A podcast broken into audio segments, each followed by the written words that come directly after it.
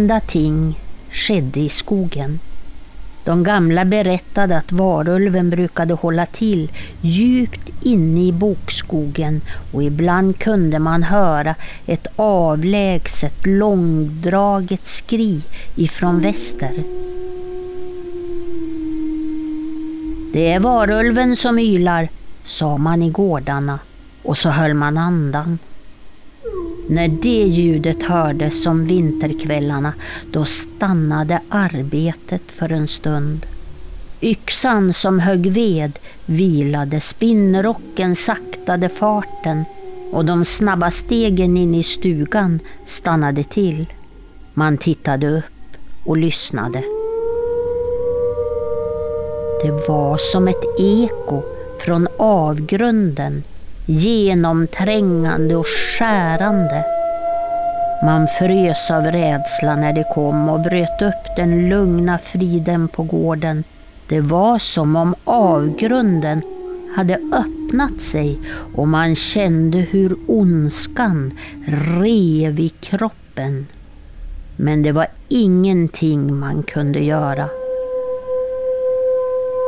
Natten igenom kunde man höra varulven yla och många låg vakna under nattens mörka timmar då endast oron höll vakt. Tidigt på morgonen tystnade ljuden, men dagen efter låg en dov oro kvar över gården och arbetet kom aldrig ordentligt igång. Folket gick och tittade tittade på varann med en fråga i blicken. Vad var det som hände i natt? Och vad kommer det att hända nästa natt? De äldsta på gården hade sett varulven. En grå bäst med ögon som lyste likt eldklot i mörkret. Den gled som en stor svart skugga i skogen irrade, jagade mellan stammarna. När den öppnade gapet lyste en blodröd tunga mellan tänderna. Det såg ut som när han hade bara tre ben, men när han sprang så sprang han som vinden. Ändå var det inget riktigt djur. Rösten som ylade och tjöt så att blodet isades kunde tunnas ut och bli som en människoröst. Västen kunde resa sig upp på bakbenen och störta sig över en kvinna och då liknade den mest en människoapa.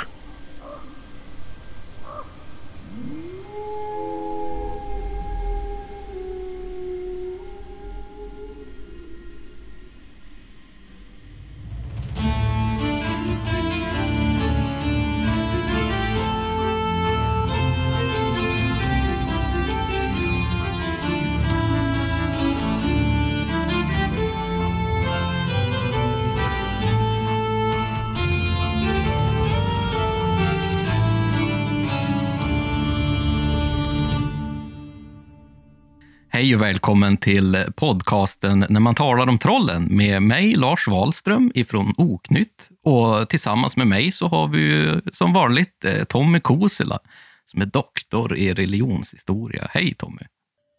Hej Lars! Idag ska vi ju prata om någonting väldigt, väldigt roligt faktiskt. Jag tror att vi båda tycker att det här ämnet kommer att bli fantastiskt kul idag. Eh, och som många redan kanske har sett så eh, ska vi ju prata då om varulven. Och här i introtexten så fick vi ju en väldigt fin beskrivning av just den här varulven. Men vad är det här för text? Ja, det här är en text som skrevs av en eh, författare och forskare som hette John Nylén. Han, han, dels var han ju folklivsforskare och arkeolog och lite av alla, men han skrev en hel del som så kallade spökhistorier, sällsamma spökhistorier. Och en av dem handlar just om varulven. Och den här utspelar sig då i Skåne i den här berättelsen. Och det som är så bra med hans berättelse är att han liksom väver ju in mycket av de här folkliga föreställningarna i, i sitt, sitt berättande. Så att den varelsen som John Nilén presenterar här är ju inte den som vi möter i Hollywoodfilmer, utan snarare den som faktiskt man kan ha berättat om, och på det sättet man berättade om den på, under 1800-talets bondesamhälle. Det här kommer att bli väldigt intressant, för att när jag hör namnet eller ordet varulv så tänker ju jag på någon form av varg som kanske ser ut som, som eh, med lite mänskliga drag. Liksom. Och jag tror att jag, jag är ju säkert färgad, precis som kanske många andra, eh, av just Hollywoods eh, varg, alltså varulvar. Och att det, det, är den här förvandlingen från människa till djur och att det, det är mycket blod, det är mycket liksom splatter. Eh, det är en skräckfylld varelse på något sätt. Men vad tänker du när du hör ordet varulv? När jag var yngre så såg jag ju, då var jag ju såklart självfallet då inspirerad eller influerad av Hollywoods filmer. Eh, jag tänker på Wolfman och, och liksom många andra. Det är liksom en, en figur som går på två ben och har varje drag så att säga. Eh, och angriper blodtörstig och hoppar på allt och alla och sliter dem i stycken. Men eh, eftersom jag själv nu har jobbat ganska mycket med varulvar, jag tror, tänkte på det nu att jag har totalt skrivit fem texter om varulvar, men jag vet inte var den här fascination kommer ifrån. Så har jag blivit mer och mer, börjat tänka mer och mer på liksom, att det är som en, om vi tänker på en varg, för det kan vara många olika djur och det kommer vi prata om i det här avsnittet, men då tänker jag att det är en, en, någon varg som, som avviker lite från andra vargar på något sätt. Alltså att den har tre ben eller någonting annat som gör att den är lite annorlunda. Raggigare päls eller annorlunda ögon eller någonting. Att det är någonting som avviker, någonting som hotfullt. Så att varulven för mig är ju såklart en, en människa som har då transformerats till en, till en varg. Men då mer som en riktig varg i, till utseendet, en, en tvåbent eh, människoapa som Nelén säger här. Mm. Just den här eh, förvandlingen är ju väldigt förknippad med just varulven, att det är en människa som förvandlas till den här vargen, det här djuret. Men hur vanligt förekommande är det egentligen världen över, just det här med att människan förvandlas till ett djur? Jag antar att det är ganska vanligt förekommande. Oh ja, det är väldigt vanligt skulle jag ju faktiskt vilja säga. Kanske inte till varg, för det är ju helt avhängigt om man har, om det finns vargar i den naturliga, naturliga faunan då så att säga. Men eh, till en människa som förvandlas till ett djur ja, har vi ju överallt och det behöver ju inte då vara ett rovdjur. Om vi ska titta på varulven då, då, då ska vi kanske tänka om att det, att det förvandling till ett rovdjur just. För att det liksom ger en extra kraft i de här berättelserna. För det finns ju berättelser om människor som blir, ja, allt möjligt, uttrar, eh, fåglar och så vidare. Och det finns över hela, hela världen. Så att, och det äldsta förmodligen eh, belägget om man säger så, det är lite omdebatterat, men jag tänker sig att man hittar i Gilgamesh-eposet som är tusentals år gammalt. Mm. Och det är hur mycket man hittar i Gilgamesh som, som är liksom en, en av de äldsta texterna vi har. Eh, som sammanhängande liksom en episk berättelse. Och här har vi också ett förvandlingsmotiv till ett slags rovdjur i, i den här berättelsen. Så att, ja, i vår äldsta text så har vi det här motivet och sen så för, för kommer liksom överallt, världen över. Och det finns berättelser i, säg, i Afrika, och då är det till djur som finns där, om det nu så är till um, tiger eller lejon eller någonting annat. Och även andra djur liksom, som, som då kan förekomma. Och jag sa det här lite skämtat om uttrar, men det finns också förvandlingar till uttrar i, i, i Syd och Centralamerika, som ju inte alltid är liksom de här gulliga uttrarna heller. så att, jo, det, fin det finns gott om de här. För mig så låter ju en, en varutter lite gulligt faktiskt. jag tänker mig en liten utter som går ja, på två ben. Ja, det är jättegulligt, men eh, det är inte så de har beskrivits. Det, ja. Men om det är så vanligt, varför tror du att det har, är så vanligt i vår historia att vi har den här äh, förvandlingen till djur? Alltså, djuren är ju bra att tänka med och de, de är liksom på något sätt... Människan läser gärna in mänskliga egenskaper och så i djur också. Det är så vi liksom tolkar och strukturerar vår tillvaro. Men, och just rovdjuren är ju samtidigt som de har ju varit konkurrenter också om, om födan i, i, naturen, så att säga. Och de är kraftfulla och effektiva. Och de har drag som vi människor kan ibland också vara vildare så säga, av naturen. Och vad de här berättelserna gör, de, liksom, de lyfter fram det vilda i människan. Så att på sätt och vis så är ju varulvsberättelserna en slags ja, reflektion över det som lurar inuti, inuti människan. För även den mest så att säga, eh, eh, utbildade moraliskt eh, som är antisvensk moraliskt och sådär, kan under vissa situationer ändå liksom explodera och få ett det inre vilddjuret i sig liksom komma till ytan. Och det där är, har alltid fascinerat människan. Plus att vi har ett oerhört stort eh, symbolvärde i rovdjuren. I, alltså, det, det är liksom kraftdjur. Så där, därav finns det också någonting. Plus att vi har, när det gäller de här rovdjuren som hotar människan, så har vi också en fara som kommer utifrån, som man då kan liksom förknippa med en del människor. Ja, jag kan tänka mig att det är ett väldigt bra sätt att illustrera människans natur på något sätt. Just den här tvåtydigheten, att vi är det här civiliserade eh, folkslaget, eh, men som ändå har den här primitiva känsloaspekten och att man då har djuren nära till hands. Och eftersom vi alltid har levt nära djuren så, så är det ju lätt att, att dra de eh, parallellerna. Ja, och varulven finns ju beskriven även då, faktiskt en hel del av den i fornnordisk litteratur. Och det här är ju någonting som är ytterst fascinerande. Alltså själva ordet förekommer ju i en del fall också, men jag tänker att det finns en, en gud också som förknippas delvis med djurförvandlingar och det är ju såklart Oden. Och vi pratade här lite med primitiva, primala drifterna i människan. Och Odens namn, i roten av det kan också ha med vansinne, något som sätter alltså sinnet i rörelse att göra. Och han är ju också då, i han så att säga, som det är en krigargud, krigsgud, Oden, krigs och dödsgud och liksom aristokratins gud, så, så är det ju någonting som det främsta krigareliten, alltså eh, krigarföljarna, eh, eh tillber då guden Oden. Och i de här berättelserna finns det också en särskilda typer av krigare. Som, ja, vi har stött på det här i, i tidigare avsnitt om eh, björnen då, som ju tangerar lite grann det vi ska prata om idag. Men där finns det två typer av krigare och vi kanske ska höra en liten berättelse här uppläst av Eva.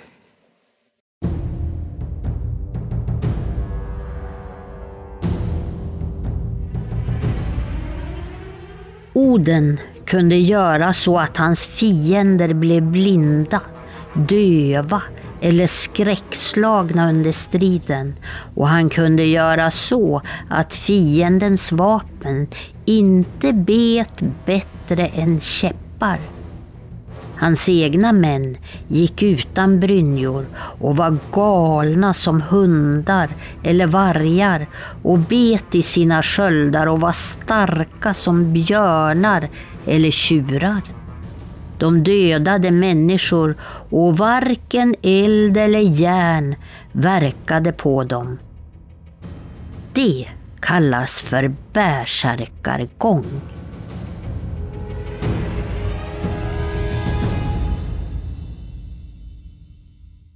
Ja, här hade vi ju en väldigt bra text som just pratade om de här bärsärkarna. Och den heter ju Odens ulvhednar eh, och det är ju från Ynglingasagan. Eh, och vem var det som skrev den? Ja, det var Snorre Sturlason då, som har också gett upphov till eh, det som vi kallar för Snorres Edda. Så det är ju en av våra bättre texter, alltså han är ju islänning då kanske jag ska tillägga. Och han skrev ju flera eh, olika typer av texter och vi har ju mött honom flera gånger tidigare i podden här. Men eh, han liksom, han, det här är ju 1200-talet han skriver. Och han är naturligtvis då kristen och det är typ 200 år ungefär efter Islands kristnande. Och, eh, men han skriver dels en handbok för skalder, för att han tycker att den här diktkonsten inte ska försvinna. Och det är det som sen blir Snorres Edda då, som består egentligen av flera olika böcker. Och samtidigt skrev han flera ganska många eh, långa böcker som är fantastiska om de nordiska kungasagorna. Och i den äldsta tiden här, då är ju Oden då föreställd som människa. Eh, det var det man gjorde, det var det stilgreppet man hade på den här tiden. För att inte heller bli anklagad för hedning eller liknande. Så eh, här så beskriver han hur Oden på ett väldigt dramatiskt, och särskilt med den här ljudsättningen som vi har nu, alltså den är ju, man får ju nästan gåshud och det är ju en, det är en skrämmande figur och inte minst skrämmande krigare som, som drar fram. Och den ena gruppen är de som iklär sig, och det här finns det ju en del studier, på, äh, studier av och många som har funderat kring det här, men ulvhednar, man har tänkt sig att kanske, för det har ju med de som har iklär sig, liksom, har med vargar att göra. Eh, och man har funderat på, kan det vara så att det här är två typer av krigare som symboliskt anammar olika djur? Att de har bärsärkar, för den ena tanken där att, bär, att, det, att det liksom kommer från eh, björn mm. och särk, alltså björnskinn, och kanske den andra gruppen då har vargskinn på sig. Och, samtidigt, och när de krigar och då blir i ett sinnestillstånd så att de liksom är extatiska och liksom uppagiterade så att de liksom inte känner någon smärta och det behövs inte några droger för det här. Det finns en del teorier om det också, men de flesta forskare idag tänker sig att det, det, det, är ingen, man behöver inte eh, knarka, så att säga, för att komma upp i det här tillståndet, utan det går att elda upp sig i religiösa traditioner ändå, utan, utan några droger. Och då kan de jagat upp sig själva och så driver de fram på, på slagfälten. Och de är ju och som vilda, och de, de kan som symboliskt nästan då föreställas som djur. Alltså de är som vargar och björnar och det är liksom de kraftfullaste och kanske farligaste djuren vi har i, i Norden. Och så kanske vi kan tillägga, och det har vi också pratat ett avsnitt om tidigare, att vi, det finns ett till djur som inte har samma symboliska, men det är ju, krigiskt så har ju även vildsvinet faktiskt en, en symbolisk betydelse. Och det, det ser vi också i, i en del äldre texter och i arkeologiska lämningar. Och det, det är lite intressant, för de här tre djuren är ju liksom de som verkligen kan hota människan om de så vill. Mm. Ja, och jag kan ju se mig framför mig att får man ett gäng eh, riktigt rabida soldater springa emot sig med, med de här djurhudarna och kanske till och med själva djurhuvudet neddraget över sitt eget huvud, sitt ansikte, liksom komma springande emot sig. Det är klart att jag skulle tro att det här är ju någon form av människovarg, liksom, eller människobjörn som komma i, i, i rabid takt emot mig. Så att det måste ju vara otroligt effektfullt. Liksom. Ja, jag tänker nästan på vet du, um, filmatiseringen av Sagan om ringen när eh, Sarumans Uruk-hai stormar eh, mm. Helms Deep där. Och sen så är det den här som springer in med elden och får liksom sen någonting att explodera på mu muren. Och Legolas som aldrig misslyckas, i alla fall i Peter Jacksons film, filmatisering, skjuter pil efter pil, men den här, det spelar ju ingen roll, han springer vidare ändå. Och så, det är lite så som jag ser framför mig. Får, blir de träffade av en pil så lägger de sig inte ner och jämrar, utan de rusar vidare och man måste verkligen ger dem ett banehugg för att de ska ligga mm. stilla. Och det kan ha verkligen skrämt eh, motståndaren. Och, och då, då, kan vi verkligen se den här symboliken kring vilda vargar eller vilda björnar som, som störtar fram i krigsleden.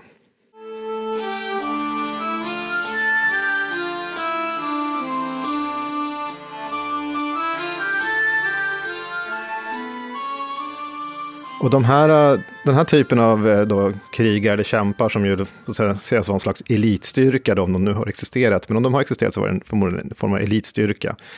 Och de här diktas, eh, omnämns ju redan tidigare. Det finns en dikt av en, av en skald som heter Harald Hornklove på svenska. Och han, han har diktat en dikt på 900-talet som då blir Haraldskvädet.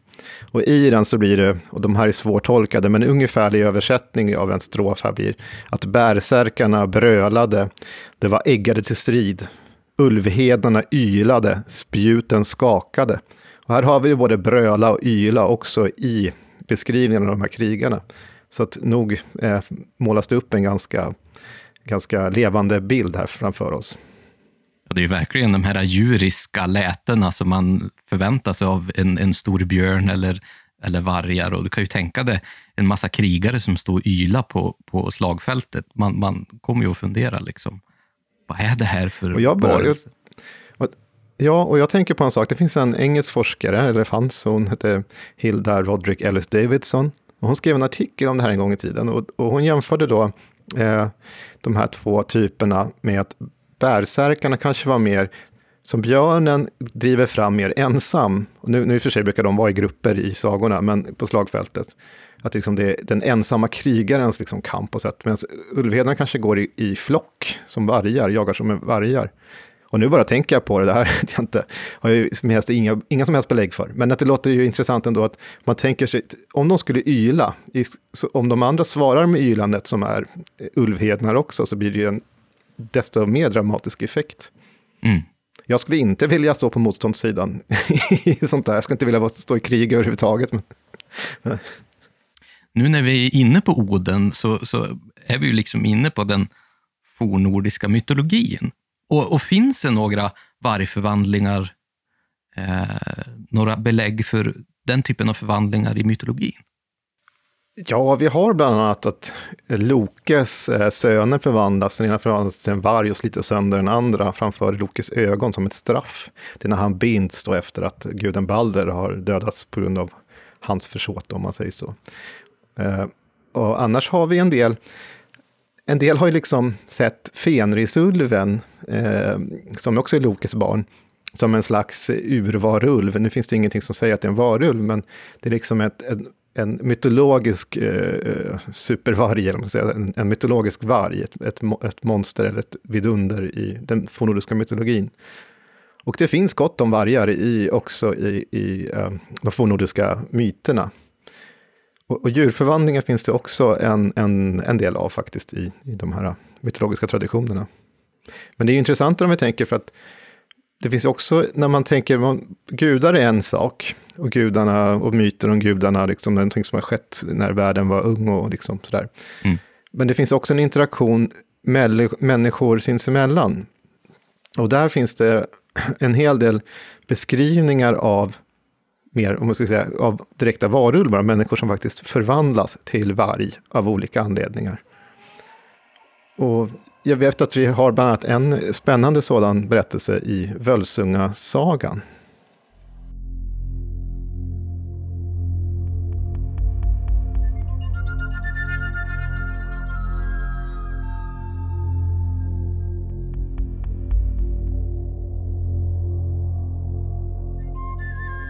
Vid ett tillfälle begav sig Sigmund och Sinfjötle sig ut i skogen för att skaffa sig guld och de fann en hydda och två män sovande inne i hyddan med digra guldringar på sig.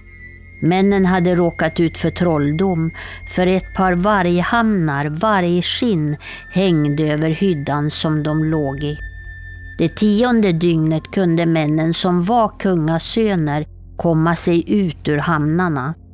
Sigmund och Sinfjötle tog då på sig hamnarna och kunde inte komma ur dem, för hamnarna hade den egenskapen att de som bar skinnen också kunde tala med vargstämma och de förstod båda två vad den andre sa.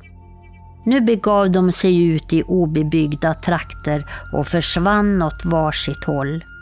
De kom överens om att de skulle våga gå till angrepp om de träffade på sju män, men inte fler, och att den som råkade illa ut skulle yla som en varg. Låt oss nu hålla denna överenskommelse, sa Sigmund till Sinfjötle. För du är ung och våghalsig, man kommer att tycka om att ta dig till fånga. Sedan begav de sig åt varsitt håll och efter att de hade skilts åt träffade Sigmund på några män och han ylade som en varg.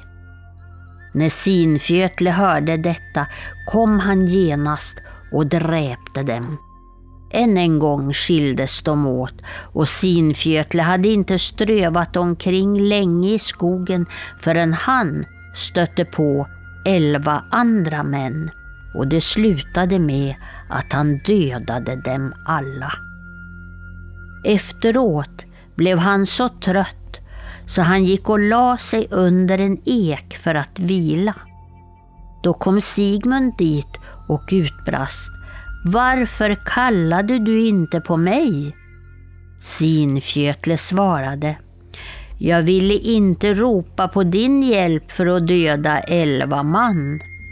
Sigmund kastade sig över honom med en sådan kraft att Sinfjötle vacklade och föll varefter Sigmund bet honom i strupen. Den dagen kunde de omöjligt komma ut ur varghamnarna. Sigmund lade Sinfjölte över axlarna och bar honom tillbaka hem till kojan och vakade över honom och bad och önskade att trollen skulle ta över varghamnarna ifrån dem.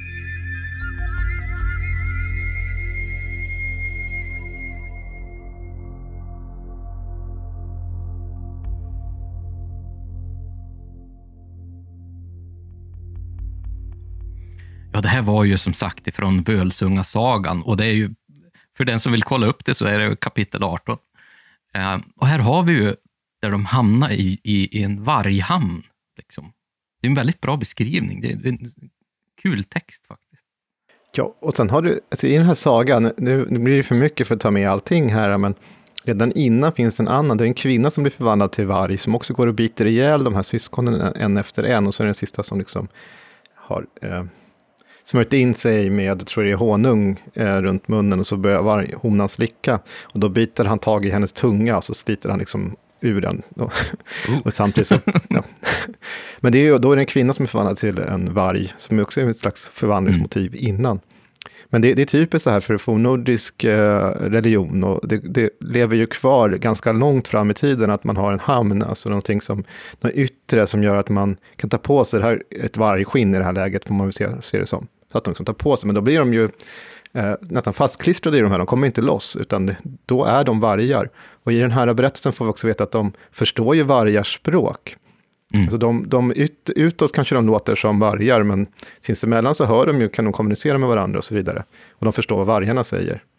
Och jag tycker en detalj här som är av stort intresse, det är också att när de har varit, gjort det här, när de, okay, när de har kämpat mot de här då, bara elva man, som man skulle ta själv. Men, men då så blir de ju trötta efteråt. Och det mm. här lever kvar, dels finns det i, i äldre beskrivningar bärsärkagång, är typiskt också exempel på att när de har varit i det här extatiska raseriet efteråt så liksom blir de som utmattade. Och det finns också beskrivet om varulvar då i folktraditionen långt senare, att den som har varit varulv sen efteråt blir väldigt, väldigt trött. Mm. Och jag, jag, har ett exempel här framför mig från Härvararsaga, en fornaldarsaga som väldigt kort här säger någonting om den här tröttheten. Och då beskrivs det så här, men bärsärkagången hade nu lämnat dem. Och då var bärsärkarna mattare än vid andra tillfällen, som om det vore någon form av sjukdom. Slut på citat där. Så där kan man liksom se att de här, och de här är ju helt slut. Och samtidigt agerar de ju också som vargar, för att i sin ilska så kastar han sig över en andra och biter i strupen, precis som vargar kanske skulle gjort i en slags alfahane konkurrenstänkande eller något liknande. Så att han, han ger igen och sen faktiskt, faktiskt det, efteråt så läker han honom. Det får han ju hjälp av att sitta på två vesslor som gör, mm. hittar ett magiskt, ett löv som gör att man kan lägga på som man läker. Det är lite, lite fantasyaktigt där. Har vi andra varulvsliknande eller hamnskiftande eh, varelser från fornordisk tid och litteratur? Om vi tänker utanför själva den fornordiska mytologin. Ja, absolut. Ja, det finns beskrivet även då i så kallad sagalitteraturen. Och symboliken mellan djur och människor finns ju också även i belagt i arkeologiskt material. Eh, men jag tänker då, det finns en en eh, saga, så att säga, en berättelse som Ulfshamns saga heter den. Om jag inte missminner mig, för nu försöker jag erinra mig saker direkt från minnet här. Men det finns en berättelse som heter Bisklaret Ljod, eller något sånt där. Eh, mm. Hur som helst, så den, det är alltså en fransk berättelse som en norsk kung eh, ville ha översatt till då eh, fornväst nordiska eller det språket man pratade. Och det är en översättning av sagan, som ju bland annat har ett varelsemotiv. Men det intressanta här är att, att den som har översatt, eller skrivaren, har på slutet tillagt att en liten egen notis om att han själv har sett en varulv en gång i tiden. Så att det finns en egen liksom, så här, utbrodering Jaha. som är väldigt, då, från norskt håll, som visar på ja. att jo då, det här har det funnits en varulv som den har sett. Och det har berättats om. Så att, eh, bara en sån sak tycker jag är så fascinerande. I det här avsnittet så kommer vi ju kanske främst att prata om just den, den förvandlande varelsen, alltså att man går från människa till ett djur. Eh, I det här fallet så pratar vi ju mycket om vargar och vi ska ju säkert göra ett separat avsnitt bara om vargen. Men varför tror du att vargen förekommer så ofta som symbol under den här tiden? Ja, det är av samma anledning som vi egentligen redan har, har pratat om. Det är ju ett, eh, ett eh, väldigt, väldigt effektivt eh, djur för att eh, fälla större byten än de själva och arbeta i grupp. Eh, jag tror människan på sätt och vis har både varit skrämts av vargens effektivitet samtidigt som har imponerats av den. Och det, det är ju ett, ett djur som är ja, såklart vilt. Det här kommer långt senare, man börjar associera vargar med eh, det, liksom det orörda naturen, för den, den tanken hade man ju inte på den här tiden. Men man levde ju närmare, det fanns verkligen vargar, till skillnad från, alltså stor mängd vargar, till skillnad från eh, senare, för att det här var ju innan de här stora utrotningskrigen mot vargar och sådär som kom senare. Så att eh, man sätter på dem och har ju på nära håll sett hur de eh, fungerar helt enkelt. Och imponerats av det, ska jag tro.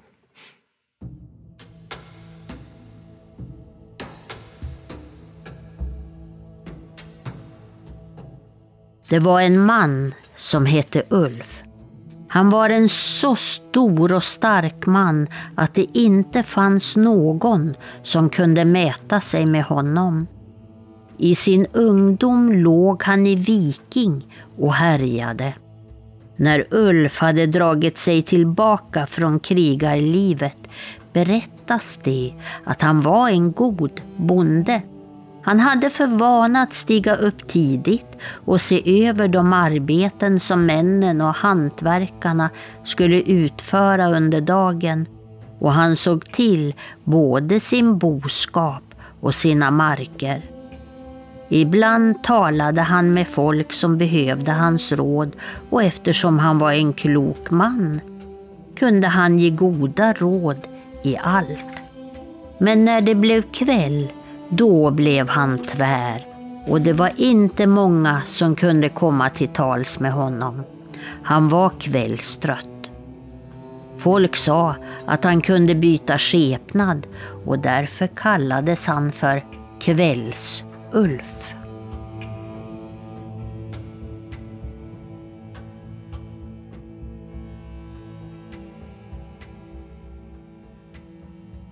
Ja, här hade vi ju berättelsen om Kvällsulf ifrån Egils saga. Egils saga, vad är det den kommer ifrån? Ja, det här är en isländsk saga också, en av de faktiskt mest berömda. Egils saga är en förkortning av Egil Skallagrimssons saga. Så att det, det handlar om... Man för, isländska sagorna brukar börja med att man följer liksom en släkt och sen tills man kommer till huvudpersonen som då är Egil. Så det här är hans far innan. Och, och Egil själv är ju känd som en av de liksom mest berömda, men samtidigt eh, med kort stubin om man säger så, personerna. Alltså en hjälte med lite antihjälte ibland. Han kan vara ganska brutal och, och, och, svår att ha att göra med. Och det finns en hel del drag som förmodligen Egil har ärvt från sin far här. Och hans far, Kväll, Ulf här, han är ju väldigt... Det sägs inte rätt ut, men han tycks ju vara en varulv här. Mm. Det är också med hans sätt att, att bete sig och med namnet förmodligen har, har med det mm. att göra, om inte annat. Ja, när vi pratar här om Ulf, precis som du säger. Eh, var kommer själva namnet varulv ifrån? För Ulf är ju ett gammalt fornordiskt namn, eller det är väl kanske snarare en mer modernad version av det fornordiska namnet ulv. Eh, men själva namnet varulv, var kommer det ifrån? Det här är ett ganska knepigt ord faktiskt. Eh, den enkla svaret skulle komma att förleden här, ver, som skulle kunna bli då, om man rekonstruerar det, skulle kunna betyda man, alltså som en människa. Man. och det andra är ju ulf, alltså vulf och gå tillbaka till, till varg. Eh, det finns en, en, konkurrerande teori om att det skulle ha med strypar, eller alltså en, en, en, ja, det varg i sig kan ju också betyda det, men det är någon slags modisk varg. Men jag tror inte riktigt på den, jag tror att det är den första, att det är manvarg helt enkelt. Så att översättningen blir, uh, ja, verwolf, alltså manvarg, helt mm. enkelt.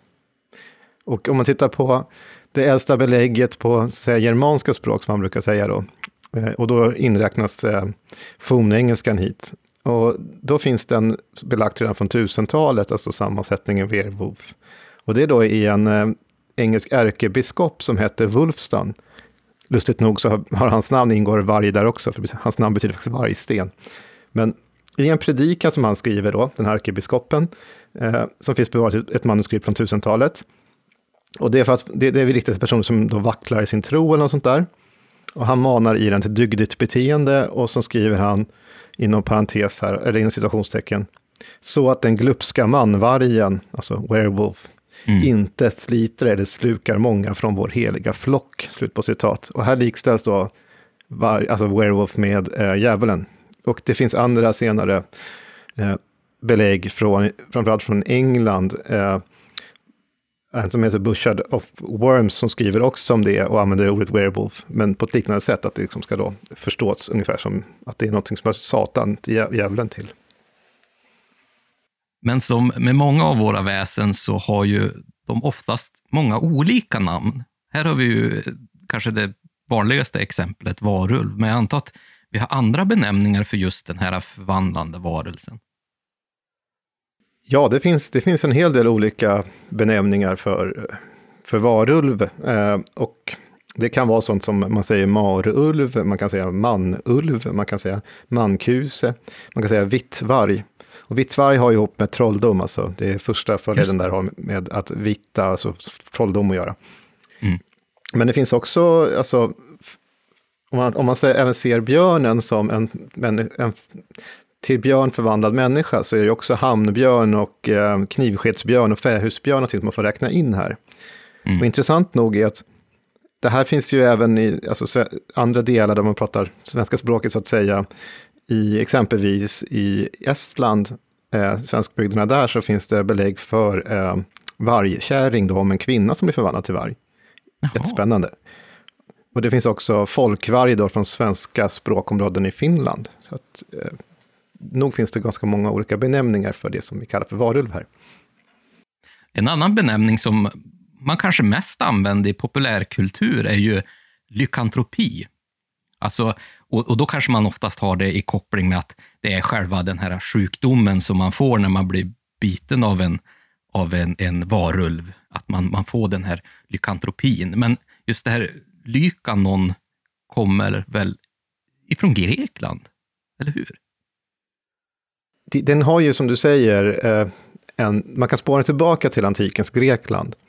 Och här är det då en kung som heter Lykaion, eh, som han skulle testa och se om verkligen Zeus, då, den högsta guden, kunde se igenom eh, allt och liksom vad slags, om han var allvetande eller inte. Och när man offrar till gudarna så kunde man, oftast är det ju djur eller någonting då som man offrade. Och den så, egentligen så livnär sig de grekiska gudarna på röken, om man säger sådär. Men då hade han offrat sin egen son till, till eh, Zeus. Och det här uppdagas ju naturligtvis och Zeus blir fly förbannad. Och eh, som hämnd så dödar han då, eh, nej, han, han eh, förvandlar kungen till en varg. Så att han blir alltså förvandlad till en varg och får löpa runt som en varg för all evighet. Och dödar hans barn. Och samtidigt hans, den sonen som hade blivit offrad återställd till liv. Men hur som helst, så den här lyckatrompin kommer som ord ifrån just det här att Zeus förbannar, om man säger så, den här kungen. Så att, och det sker ju vid berget Lykaion också.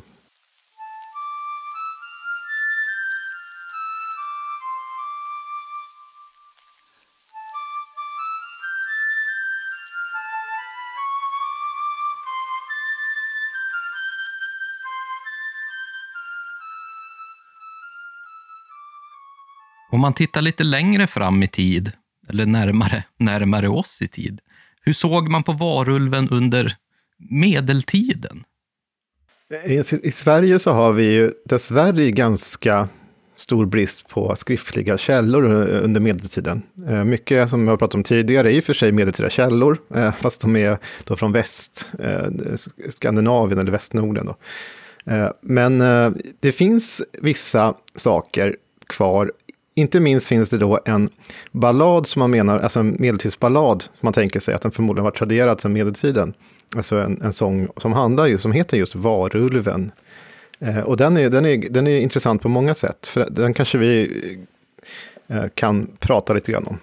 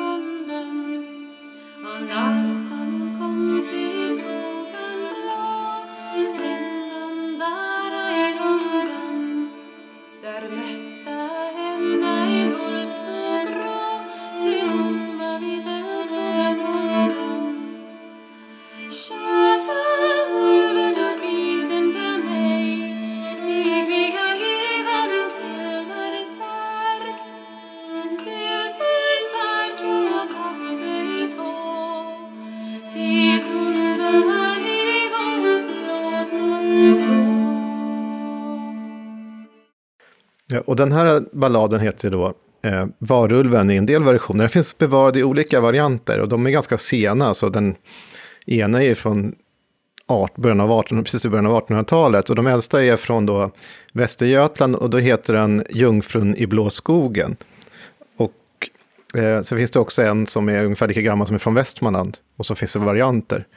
Och i det här så är det en jungfru då som kommer till ett träd och ska träffa sin ungersvän eller sin fästman. Och istället för honom så finns det en eh, varulv där. Och hon är gravid i flera varianter av den här.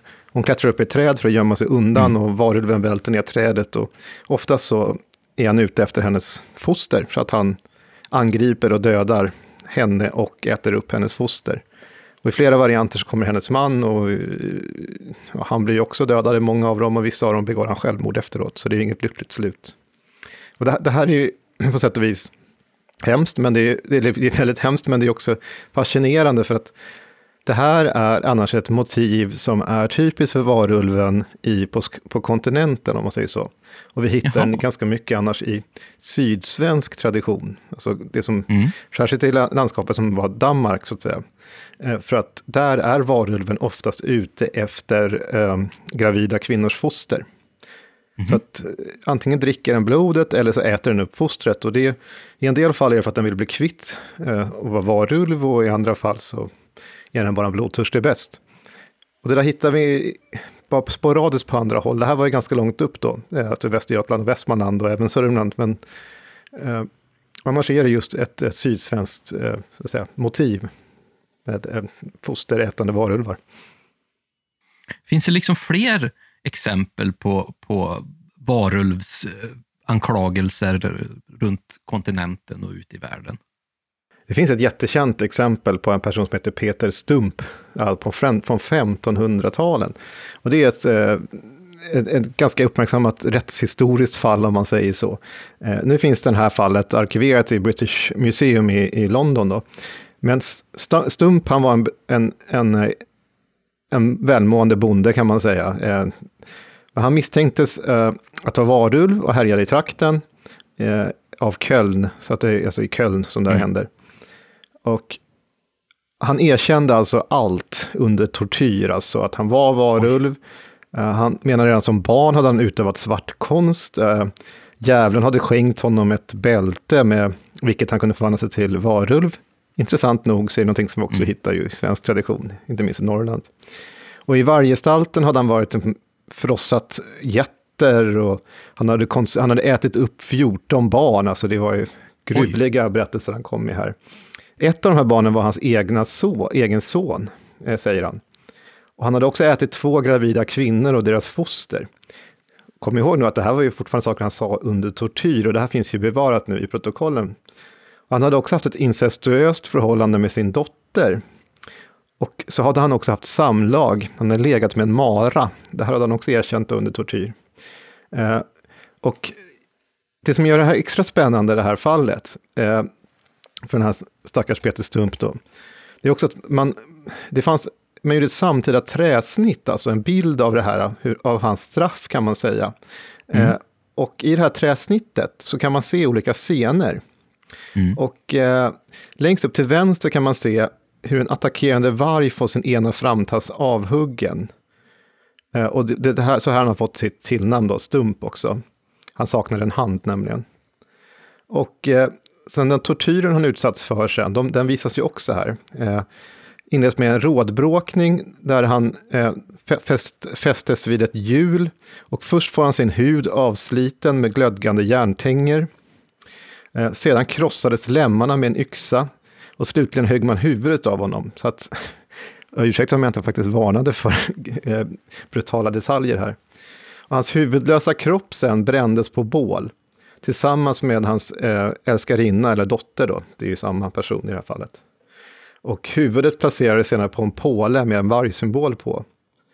Och det här skulle då varna folkmassorna och ses som en slutlig förnedring. Och det här jag mm. beskrev nu finns alltså i träsnittet, alla de här delarna med tortyren och hemska, hemskheterna finns liksom avbildat. Så där kan man nog säga att ett av de mest kända varulvsödena eller, eh, ja, i, i, i Europa. Var det verkligen bättre för?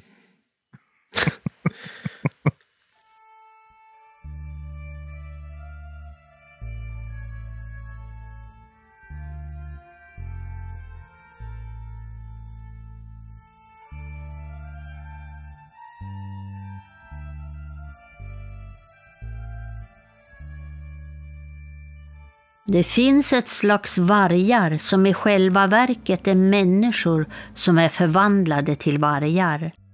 De förekommer i Preussen, i Livland och Litauen och de brukar samlas mot natten till Kristi födelsedagsfest på en bestämd plats där de med en otrolig vildhet härjar bland människor och djur.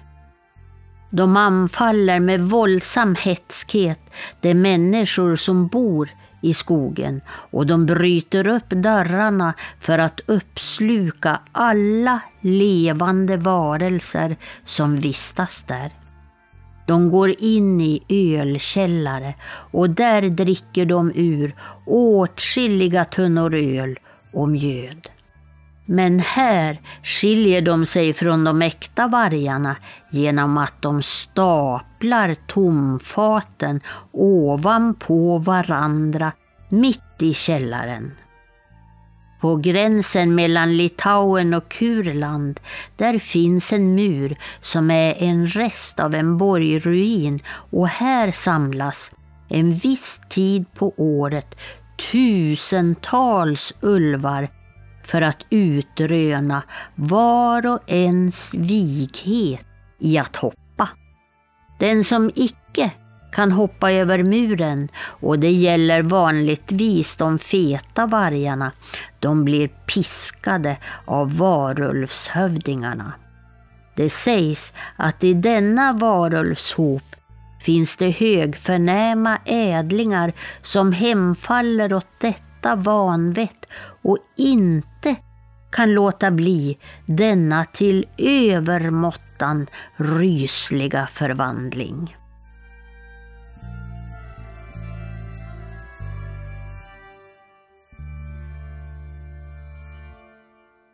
Ja, det här var ju en text ifrån eh, Olaus Magnus, vår eh, gamle landsflykting till präst, som eh, alltid på ett sånt otroligt roligt och fascinerande sätt beskriver våra nordiska traditioner här uppe.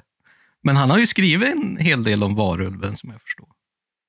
Ja, Olaus Magnus är, han är en klippa.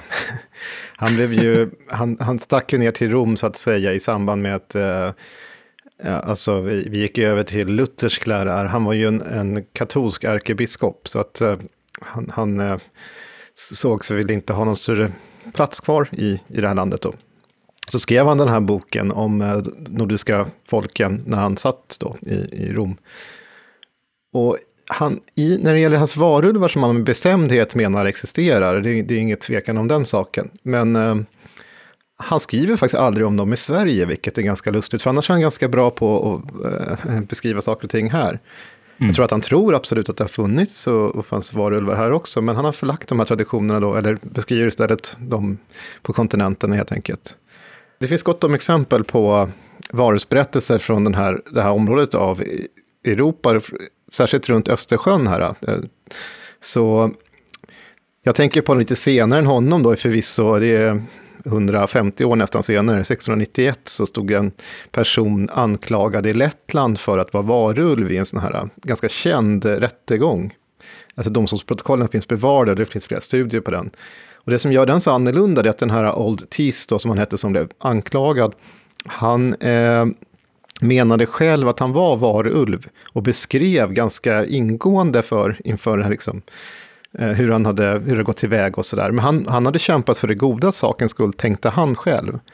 Mm. Men det tyckte ju inte de som förhörde honom.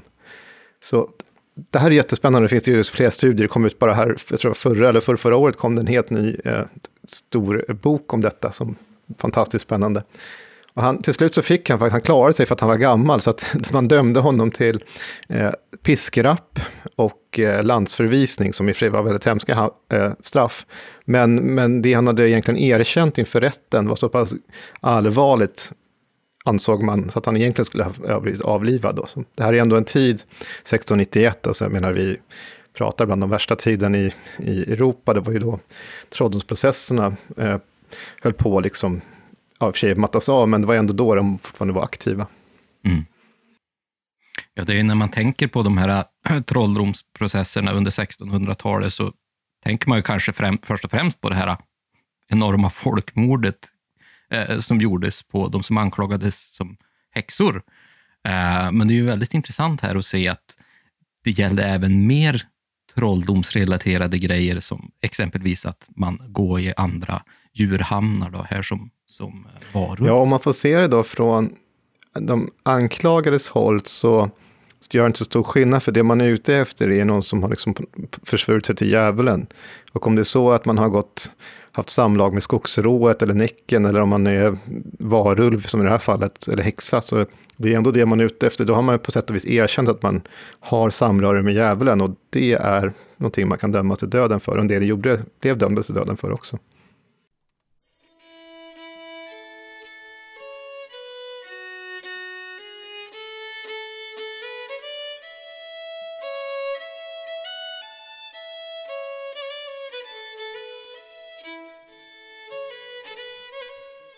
I Livland hände det sig att en ädlings hustru och en av hans drängar råkade i tvist i huruvida människor kunde förvandlas till vargar.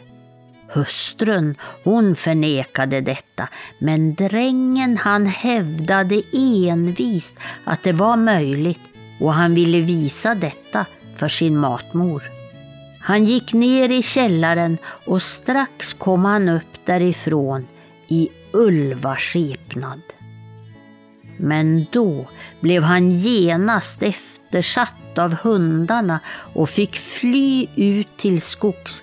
Men hundarna kom ifatt honom och trots att han tappert försvarade sig så rev hundarna ut hans ena öga.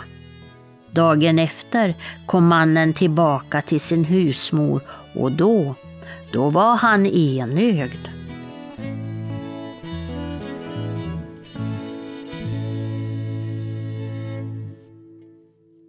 Här hade vi ju en till text ifrån vår älskade Olaus Magnus, eh, som, som på vanligt sätt beskriver det så himla bra.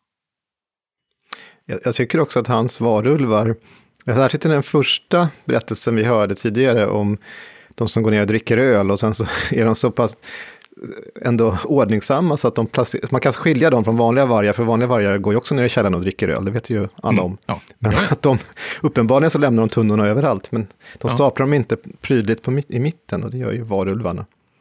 Och sen tycker jag också att den här beskrivningen av de som samlas vid muren och tävlar i att hoppa är helt fantastisk. Och sen att de feta vargarna har svårare att hoppa, hoppa högt. De ska ju uppenbarligen inte dricka, dricka alldeles för mycket av det där ölet för att få dem ju piskrapp för att de har blivit för feta. Liksom. Ja, det är ju varuhushövdingarna där. Och sen kanske vi ska säga att det första som läses upp här egentligen kommer från två ställen, bara att vi har kombinerat dem här för eh, det ska bli mer flyt i berättelserna. Mm. Men den här, även den här andra eller tredje då, om man säger berättelsen, så är det ganska intressant hur han bevisar att han är en varulv. men sen så när han kommer ut så blir det ju inte så trevligt ändå, utan man blir jagad av hundarna som ju såklart är vargarnas, att de är fiender med varandra och river ut hans öga. Och så får man ju förmodligen gissa sig på att han gick omkring och var helt enögd i resten av sitt liv sen då såklart. Som ett kännetecken på att han också är varulv.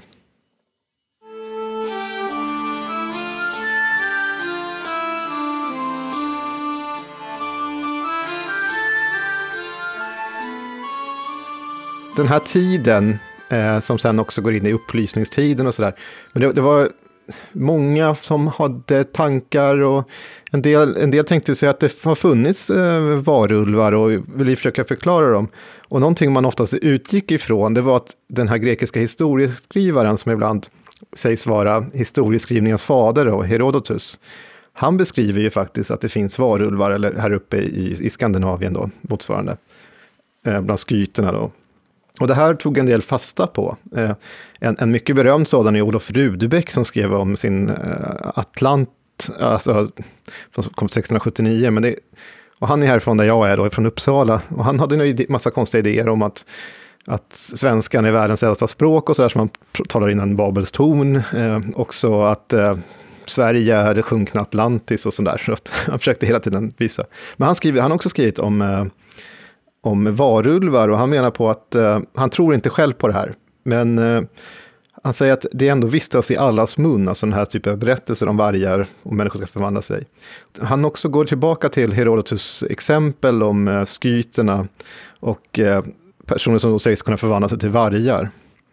Och förklarar också att det gäller bot bottnekararna som han säger och förklarar att eh, där, alltså, uppfattningen kan ha uppstått även här, alltså via Herodotus. Och sen finns det en, en skrift något senare från 1700-talet. Och då har vi rört oss eh, lite uppåt, då, från upp, om man säger Uppland till Hälsingland. Och då är det en prost då, som heter Broman som är väldigt känd, som har skrivit en eh, klassiskt verk som heter Glysis Vallur. Och han beskriver i del tre av denna fantastiska skrift om någon som heter Enångersbjörn. Och eh, den här Enångersbjörn ska mellan åren 1723 till 1727 ungefär, ska han med stor grymhet härjat i socknen. Och han ska bryta sig in i husen och, och så vidare. Och där så har man tänkt sig, de boklärda säger han, att han var av folk vänd till björn, så han var en björn, alltså en varulv. Så, så det är hans exempel. Och från samma, strax häromkring så finns det också, om vi rör oss lite upp till väst, nordväst, så kommer vi till Jämtland, till Oviken. Där finns det också ett domstolsprotokoll där en, eh, en samisk man, han stod anklagad för mord. Och han, han dömdes också från livet då. Han skulle löpa björn och hans, eh, och hans hund skulle löpa varg, som jag förstår det som. Och det här dömdes han alltså till döden för, vilket är eh, anmärkningsvärt. Och även på 1770-talet senare så finns det också en ganska känd skriftare som heter Gaslander som pratar om, eh, han samlar liksom så här, som man kallar för övertro, alltså folktro helt enkelt. Och där pratar han också om varulfar. Eh, och han jämför också med, han tar också upp det här lykantropi, människor förvandlade i vargar, säger han. Som skola komma från lappmarken, enligt allmogen då, som han säger. Så det, det finns en hel del olika sådana här exempel. Men för att göra en lång historia kort så ska vi kanske sluta med en som är, vi får kasta oss lite tillbaka igen, så vi rör oss lite fram och tillbaka nu. Men då är det en skrift om Lappland och då om samerna framför allt. Och det handlar om Ume Lappmark. Den här är från början av 1600-talet och det är då en av en person som heter Olaus Petri Nyrenius. Och han, han beskriver hamnskifte. Och jag ska försöka förenkla det här för att det är ett gammalt språk, men Eh, jag får här icke heller förbigå att människor förvandlas till vargar. Vilket in, in, inte är en nyhet, utan redan i forntiden bekant för Herodotus. som säger att skyterna varje år förvandlas till vargar för några dagar och sedan återtaga sin gamla gestalt. Att det samma fordom även hänt bland lapparna är en mera omtalad än bestyrkt sak. Man påstår det dock vara sant att man en och annan gång i flodda vargar funnit bälten, eldon och ränsel med kniv med mera. Och sen slutar han med det här, och det här är ju väldigt intressant, men den metamorfosen, alltså förvandlingen, att ett helt brudfölje ska ha förvandlats till vargar, eller att på detta sätt förvandlade människor sprungit omkring som vargar vissa tider på året, det anser jag mera vara en utnött fabel än en verklig tilldragelse. Slut på citat och, och, då kan man ju beundra, vad, vad, är det här för någon berättelse han, han diskuterar? För den, den finns ju faktiskt bevarad i flera olika varianter. Mm. Och vi har ju en fantastisk sådan från Dalarna.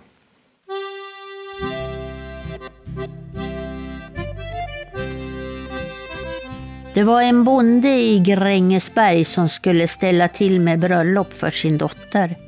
Tillsammans med hustrun ordnade han ett rejält kalas där ingenting saknades i fråga om mat och dryck. Men under festen dök det plötsligt upp ett objudet sällskap med lappar till gården. De ville också vara med och roa sig. Men detta hade dock värdparet inte tänkt sig utan körde resolut ut hela sällskapet med hjälp av de andra bröllopsgästerna. En av gästerna förföljde lapparna med sin käpp när de drog bort från huset.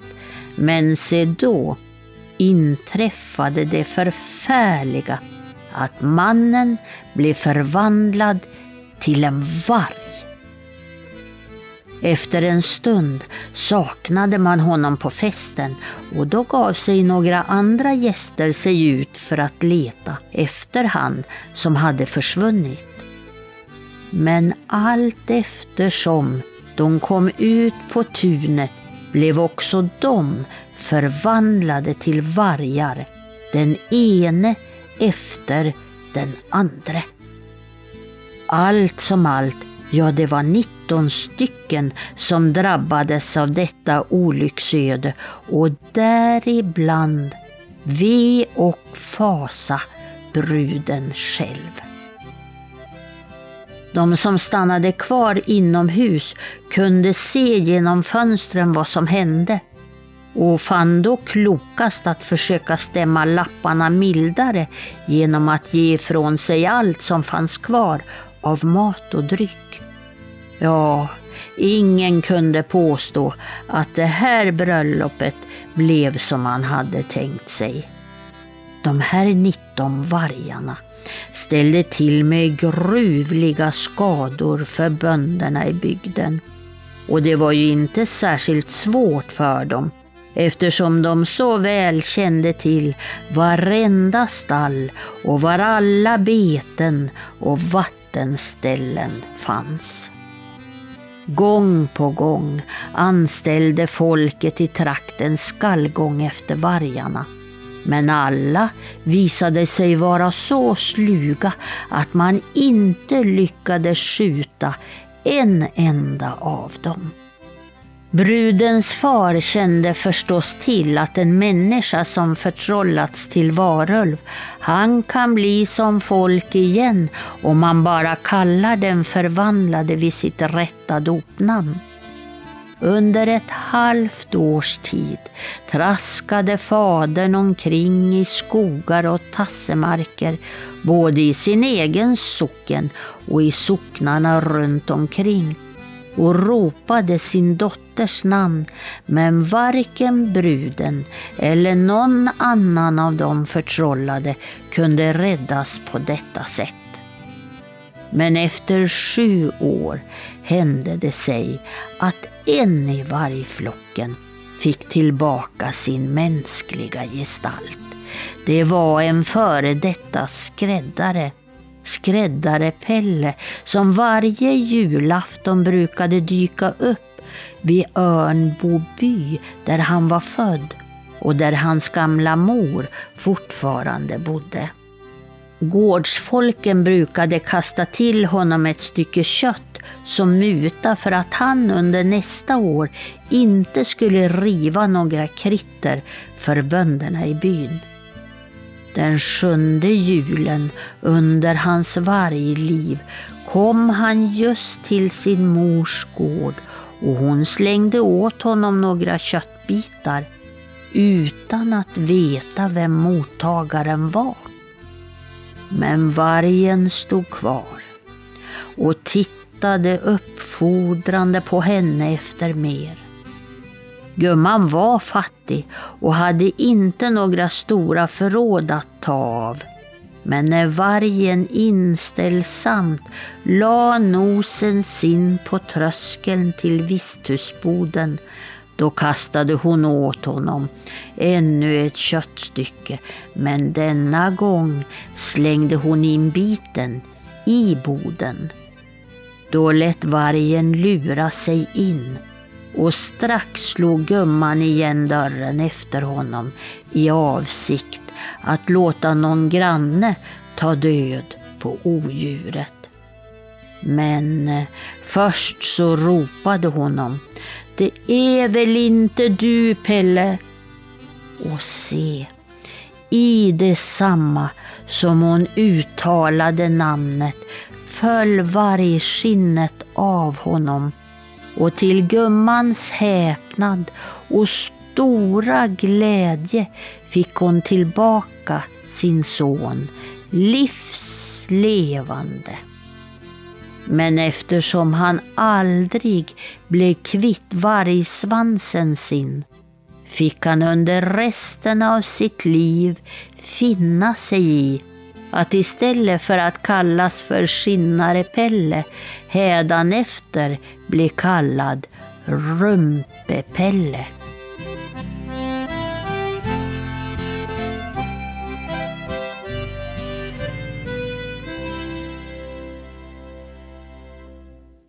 Ja, här hade vi ju en historia som, det här låter ju verkligen likt som du precis berättade om från den som var ifrån Umeå och Lappmark.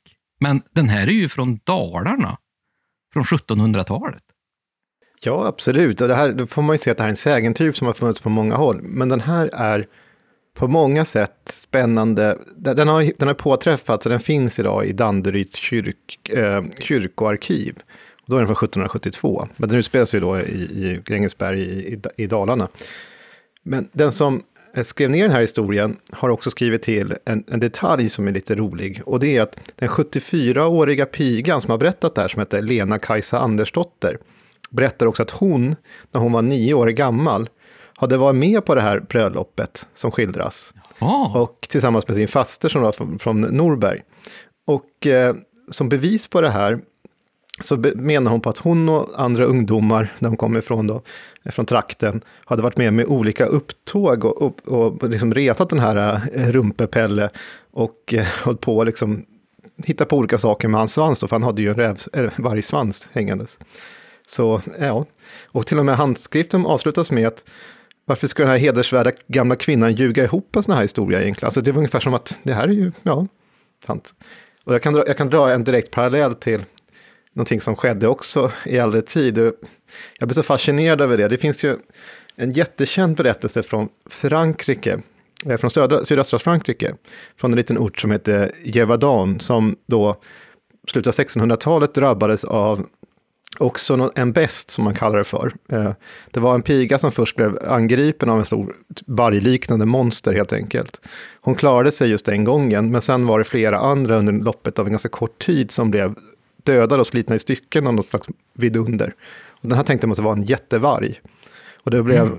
över hundra fall till slut och det liksom var väldigt framstående jägare som till och med var eh, kända vid kungen och sådär kom ner för att jaga den här. Eh, men man lyckades, man fällde flera vargar och sådär. Och det här var en tid där det verkligen fanns vargar, eh, mängd som tog både människor och djur när de kunde. Oftast inte människor för att vargar brukar inte ge sig på en fullvuxen människa, kanske ett barn men inte annars. De är ju liksom det, de som är små eller skadade. Men hur som helst, i de här berättelserna som, som gick så blev det ju snabbt då eh, föreställning om att det här var en varulv. Och jag såg, istället för som det här på 1772 skrev just så här att varför skulle hon ljuga för? Det är ju vittnesmål och hon har varit med om det själv. Och jag såg, eh, bortsett från att ha läst böcker om den här Juvedan och sådär, så, så har jag också sett andra som har hänvisats till att men det här är ingen, eh, det här är ingen sägen, det här är inget, eh, det här har verkligen inträffat därför att det finns ögonvittnesskildringar. I så fall skulle allt vi berättar i den här podden vara sant, alltid ha skett, för att nästan allting har ju någon form av ögonvittnesskildringar. Så att det är ett, ett lustigt kriterium kan man ju tycka. Men Mm. vem vet? Man, man, man, man fick ju aldrig någon klarhet i den där pesten i sydöstra Frankrike, Frankrike och man, ja, jag vet det finns väl inga bevis på Rumpepelles eh, svans här heller. Nej, Kanske var en, en person där. Och hon säger ju det, eh, Lena-Kajsa här. Den senaste berättelsen kommer ju från 1700-tal, och- men när vi kommer lite närmare 1800-1900-tal, där vi lite kanske slarvigt benämner det mer modernare folktro, hur ser man på varulven under den tiden? Alltså, vad har den för egenskaper då?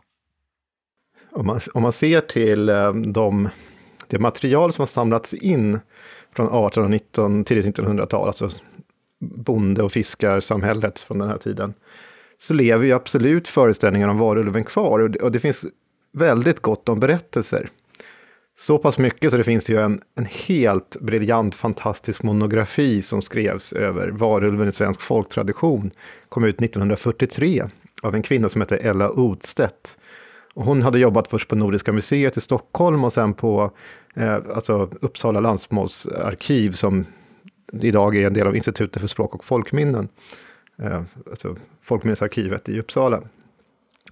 Och här, hon, har ju byggt på materialet i de här arkiven och hon var ganska mycket ute i fält själv och samlade in och är en briljant alltså upptecknare av folktraditioner. Och hon kunde fortfarande söka, som hon sa, spillrorna över en äkta varustro, då. Eh, som hon fortfarande hittar en gamla, men det var liksom, och det var så, det här är så typiskt också sådana här insamlare, att man helt enkelt tänker sig att allting är på utdöende, att man är ute i sista stund liksom. Men hon, hon, hon lyckas verkligen få fram jättestort material. Och den här boken kan jag rekommendera alla att, eh, som är intresserade av fördjupning i varuhusföreställningar att, att titta på. Den är proppad med exempel, och det kan vara lite svårläst kanske, men, men den, är, den, är, den är fantastisk. Så den finns till och med gratis att ladda ner på Institutet för språk och folkminnens hemsida, som pdf. Men eh, där kan man urskilja tre olika varuhustraditioner eh, i Sverige, om man säger så, eller bälten, eller vad man nu ska kalla det för någonting. Och alla är lite olika. I Nordsverige så är det oftast att, att man själv tar ett initiativ till förvandlingen. Och då är det i regel en björn som man förvandlas till. Just det. Alltså det är i Norrland då, och Mm. Dalarna. Mm. Och sen så har man tar eh, de gammeldanska landskapen längst ner då. Eh, och även en bit upp i Småland då, i svenska delarna. Så, så, så kan det vara en del av en slags arvsynd, alltså personen har gjort någonting för att eh, drabbas av en slags förbannelse kan man väl säga då. Och då är faktiskt, på, i brist på varg, för det var inte så jättemycket varg i äldre tid längst ner. Och vi får också komma ihåg här någonstans att det varit ett utrotningskrig mot vargarna, så de nästan var borta. Mm. Eh, och eh, då är det hund istället i många fall som en person Jaha. blir förvandlad till. Det finns varg också, men hund förekommer längst ut, Mm. söderut. Och sen är det liksom i, mellersta Sverige då, så att säga, så är det då eh, oftast någon som blir förvandlad av en annan. Alltså Mhm.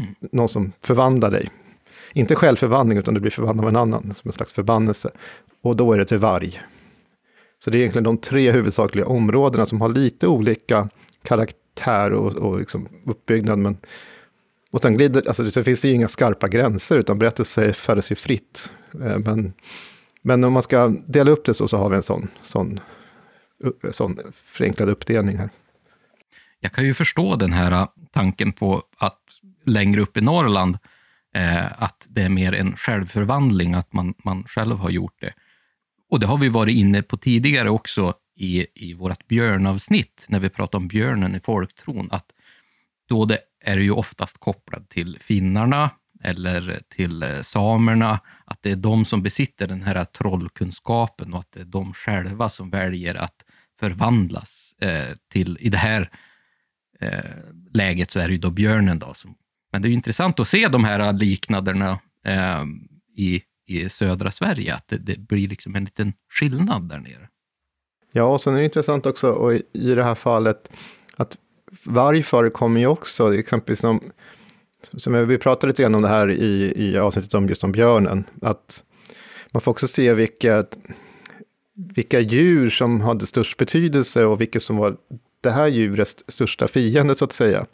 Och för så att säga, svenskbygderna och nybyggare så i Norrland så var det ju kor eller liknande som gick liksom på bete fritt. Och då var det björnen man var rädd för.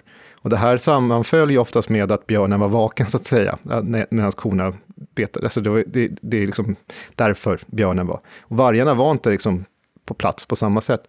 Däremot så, när samerna eh, drev med renarna, så sammanföll det också med, eh, när björnen kanske så, men att då var det ju vargen som var den största fienden.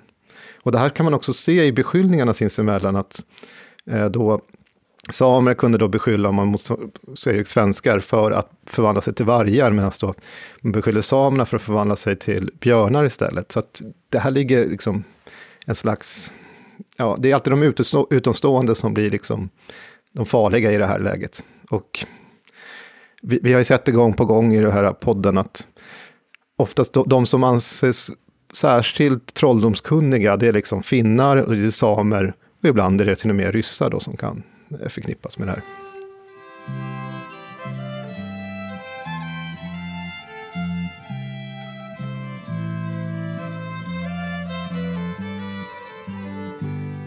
Folk kunde bli björnar genom att krypa in i ett björnskinn.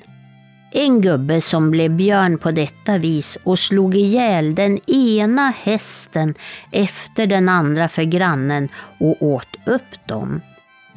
Grannen kom en gång till honom då han höll på att tvätta sig och tyckte han hade blivit så hullig och fet.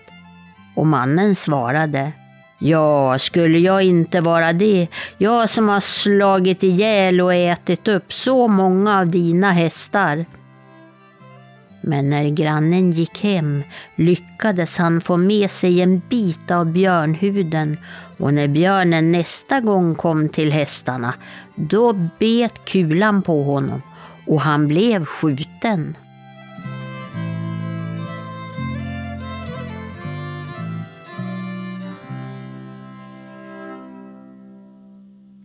Här har vi ju ett, eh, ännu ett bra exempel på just en eh, självförvandling till björn. Och den här var ju då ifrån Värmland och då i närheten av Finnmarkerna kan man ju tänka sig.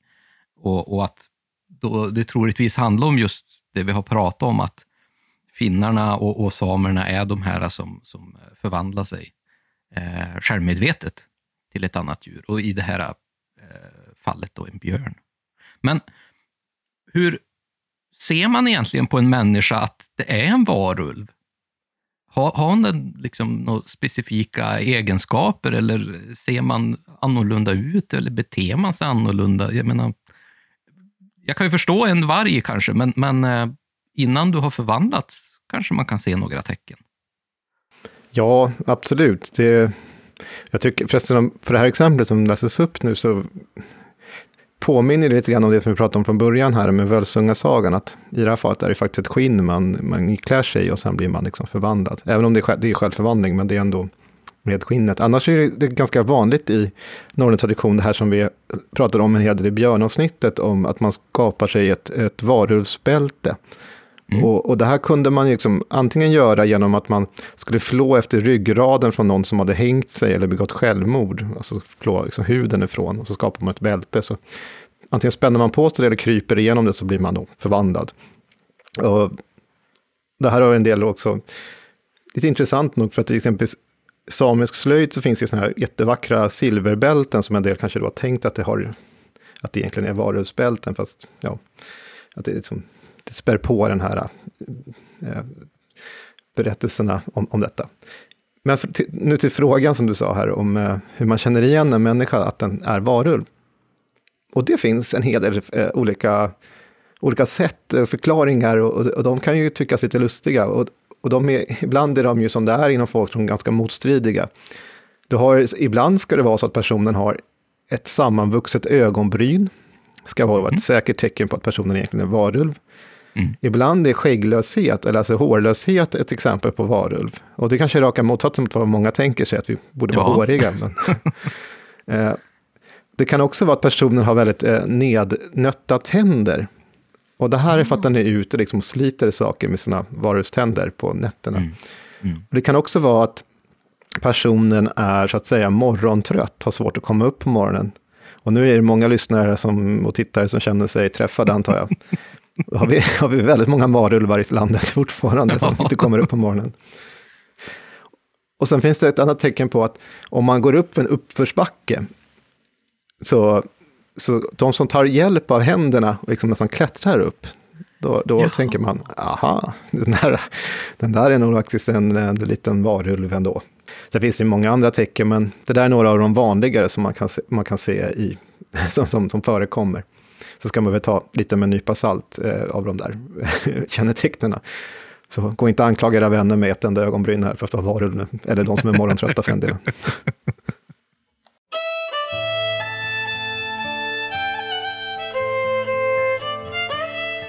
Ja, det var Pellas käring i Ivetofta. Hon kröp genom en fölahamn, ett skinn som var kvar efter ett föl, för att hon skulle få en lättare barnsäng. Men pojken hennes, Lars hette han, han blev en varulv.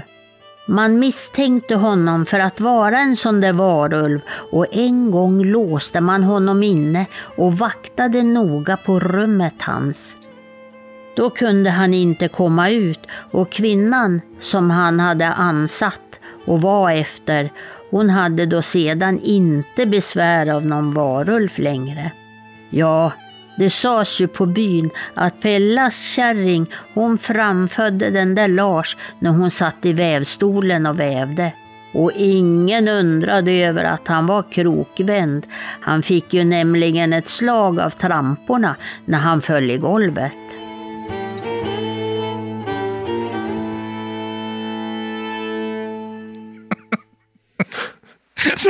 Var hittar du de här historierna Den här är ju helt fantastisk. Eh, den här är ju från, från Folklivsarkivet i Lund. Och det är ju här, stackars krokige Lars som fick trampan i huvudet. Varulvs-Lars, ja. Ja. Och här har vi ju också ett, ett ganska typiskt sydsvenskt eh, varuhusfenomen, om man säger så. Alltså, hur man drabbas av en förbannelse på grund av att man försöker eh, undkomma födslosmärtorna. Mm. Och, och det här, här, här liksom sägs det förbifarten, men det kan vara en ganska vanlig sak att en kvinna skulle ta då, ett, om man tittar på eh, stoet när hon föder så finns, så ser det, det ser ganska enkelt ut när, när eh, fölet kommer ut och sen så om man tar den här fölhinnan eller, som, som finns runt den då, fosterhinnan heter det, eh, så kan man spänna upp den och så ska man klättra eller krypa genom den. Naken oftast, ibland baklänges och så här som magisk väg. Och då ska man då, tänkte man sig, få lika lätt att föda som stoet har. Eh, så det var liksom en magisk teknik. I brist på, på att man inte hittade någon, någon häst så kunde man eh, eh, föda där hästen hade legat och vältrat sig, en gravid då, eh, häst, eller man kunde krypa under en märr, så att säga, tre gånger och sådana saker. Men, men poängen är hur som helst att man på magisk väg försöker förändra någonting som man enligt kristen tro Gud har straffat kvinnan med, att hon ska lida när hon föder, så att säga. Och det var ett straff för när Adam och Eva drevs ut också ur Edens lustgård. Så, så det här är ju någonting som man då tänker sig ett direkt straff. Och straffet kan då bestå i att om hon får en son så blir det en varulv. Och sen finns det också förklaringar i en del fall att får hon en dotter så ska det bli en mara. Så att, ja, du kan se de här två sakerna hänger ihop här. Och att man tänker sig just hästen, och det här är så här likhetsmagi som man brukar säga inom folktro, att man liksom lika för lika, så man tänker sig att om den har lätt så ska jag få lätt. Och man liksom tar någonting av den. Men, men som sagt, det här är typiskt sydsvenskt. Och uppenbarligen funkar det ju, för eh, den här kvinnan, eh, lilla Lars, han föll ju bara ut där på golvet medan eh, hon satt och, och, och, vävde, så att uppenbarligen funkar det ju där. Ja, den detaljen är helt underbar i den här berättelsen. Det är ju ja, helt oberörd. Jobba vidare. Vad är det här som, som skiljer forntidens varulvar med, med liksom 1900-talets trosföreställning på, på varulven? Har, har den något specifikt, eller har den ett annat utseende, till exempel? Ja, för, för det första kan det kan vara lite svårt att jämföra, för att vi har ju, även om vi har en del källor som beskriver varulvsföreställningar eller eh, människor som förvandlas till rovdjur i, säg, fornnordisk tid, så har vi ganska lite i förhållande till vad vi har långt senare. Och någonting som inte finns i samma utsträckning i alla fall, det är ju kristendomens inflytande på de här berättelserna. Det, det vi precis tog upp nu, det är ju ett typexempel på att det är, man liksom bryter mot Guds bud, så att säga, eller vilja. Eh, försöker i alla fall bryta mot det och straffas. I många andra fall så har vi föreställningar om att en persons, eh, en varulv, det kristna dopnamnet har en, en så att säga, makt som kan bryta förvandlingen. Mm. Och sen har vi också de här olika utvecklingarna runt om i landet som ju kanske, så vitt man kan veta av det äldre, som vi kan se lika tydligt i alla fall. Men till likheter är ju just det, jag tycker mycket det här med norrländska traditioner med självförvandlingar påminner till stor del om, om vad vi kan läsa i de äldre eh, fornnordiska berättelserna. Vi pratade lite tidigare här om hur man kan se att en person är en varulv innan liksom han har förvandlats. Men när han väl har förvandlats och man ser den här varelsen ute i skogen till exempel, hur ser man att det faktiskt är en varulv och inte en riktig varg? Jag tror, jag tror det hör till saken att man kan aldrig vara riktigt säker på detta. Eh, och det, det, är väldigt fascinerande. För mm. att en ensam varg eller björn eller någonting så, det är just den här osäkerheten som säkert gör det extra skrämmande.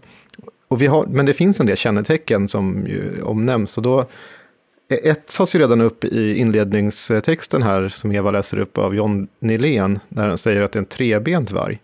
Mm. Och en trebent varg är ett ganska vanligt motiv, för att det betyder att det, att det fjärde benet, så att säga, blir en svans. Så när, här, när människan förvandlar sig så fram, alltså händerna går i backen och blir till framtassarna och ena benet blir ena bakbenet och det andra benet blir en svans. Och det är inte jättevanligt med trebenta vargar som skuttar runt annars. Eh, om de inte har blivit av med benet då såklart. Eh, annars kan man se det i ögonen, att den har liksom om den har blivit förvandlad av en förbannelse, och det här gäller framförallt i Mellansverige, så kan man se ett lidande i ögonen. Att, att liksom, vargen tycks lida. Att det är nästan något mänskligt i ögonen. Och det är för att det är en människa där bakom. Eh, och då kan man faktiskt bryta förvandlingen genom att visa medlidande eller någonting annat eh, till, till den här. Och i andra fall så är det bara så att den kan vara större än andra vargar, den kan vara annorlunda, någonting med pälsen som gör att den kan, det finns exempel på präster som har förvandlat till vargar. Och då har den liksom något, något vitt i, i, här i bröstet. Mm. Och det ska man ju då känna igen att det är från prästens liksom direkt. Och eh, färgen kan också avvika från vargar i vissa fall. Ibland så är det att ögonen liksom glöder istället. Att det, det är liksom en lång, lång tunga som hänger ut kan också vara ett tecken på att det är en alltså, extra lång tunga. Att det är en var, varulv. Men eh, jag tror också att det är just den här osäkerheten som man liksom inte ska riktigt veta om det är vad det är. Och sen beter de sig oftast lite annorlunda än vanliga vargar eller björnar eller hundar för den delen. Att de faktiskt eh, i en del fall tycks ju veta vart boskapen finns och de kan liksom säga hemligheter som inte de här djuren ska kunna känna till och då gör de ju extra farliga.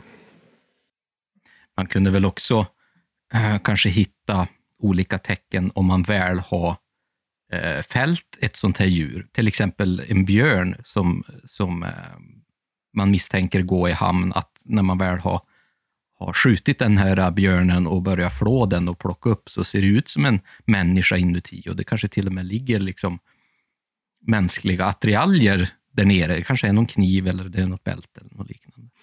Det finns också i det här, eh, från Dalarna, det här uttrycket knivsketsbjörn. Och det har ju, alltså saker och ting har att göra med att man hittar, som du precis säger, här, att elddon, pipa, kniv eller någonting annat som ligger innanför huden. Sen vet jag att man redan ganska långt tillbaka i tiden var fascinerade över att en flodd björn framför allt påminde om en människa i fysionomin. Alltså som, eh, så att där är man, och det är det som har på allvar menat eh, och svurit på att de faktiskt har hittat de här sakerna innanför björnens eh, hud. Och då i själva verket då har nedlagt en, en, en varulv. Men om man blir ansatt av en varulv så här, eh, hur, hur skyddar man sig egentligen? Vad har de för svagheter? I, i, i filmens värld så är det ju oftast liksom silver som ska hjälpa. En silverkula eller något liknande. Är det liknande i, i 1800-1900-talets trosföreställningar? Det finns, silver brukar vara effektivt om det är kyrksilver som har på något sätt. Så att den har, det viktiga här är att den har välsignats av eh, kristen makt så att säga. Så att den har liksom det i sig, en vigselring kan fungera eller någonting annat sånt där som har med, direkt med kyrkans makt att göra. I en del fall, som det här exempel som lästes upp på den här björnen, så var han tvungen att ta en bit av skinnet och så här, göra en Eh, så att den inte var brukbar, antagligen träffar han väl den biten då. Men annars är det vanligt att om en person förvandlar någon, eller om det är självförvandling, att man kanske skyddar sig, läser upp ett antal saker som man ska bli skyddad emot. Och då är det, tillhör det ju liksom människans natur att vi inte är allvetande, utan vi glömmer alltid bort någonting. Om man tar reda på vad det är, och det kan vara något väldigt, väldigt banalt, något litet, det kan vara liksom ja, nu ska jag bara säga någonting som kratta, men alltså någonting som man inte säger. Och då får man tag på den, då, då, då är det det den kan dödas av. Och det här är ett gammalt fornnordiskt motiv som finns i berättelsen om Balder redan. I, i andra, annat fall, så just det som kommer från kyrkan är många gånger väldigt effektivt. Och det kan vara att man kan ladda bössan med eh, salmblad och sånt också i. Oblater kan vara någonting som kan ingå i, i laddningen. Alltså saker och ting som liksom stärker makten. Mm. Men någonting som är ännu mer effektivt, och finns det ganska många alltså sägner om varulvar, det är att man helt enkelt säger personens namn. Mm. Om man säger dess dopnamn så bryts förtrollningen och då ligger den här personen på plats, eh, på den platsen. Eh, så det, det, kanske, det kanske är ett av de vanligare motiven som finns ja, på ganska många håll.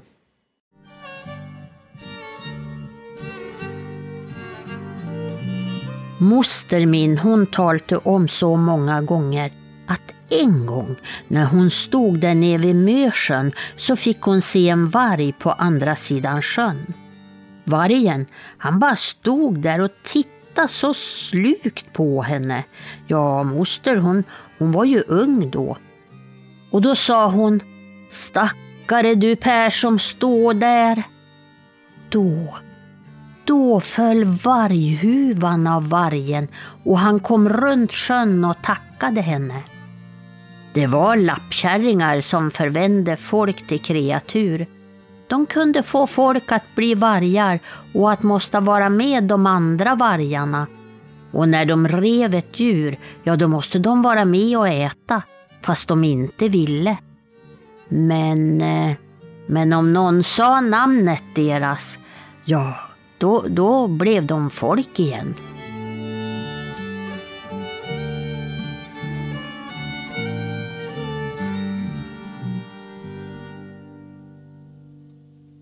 Ja, den här var ju en, en sägen från Karl Martin Bergstrands Västgötasägner.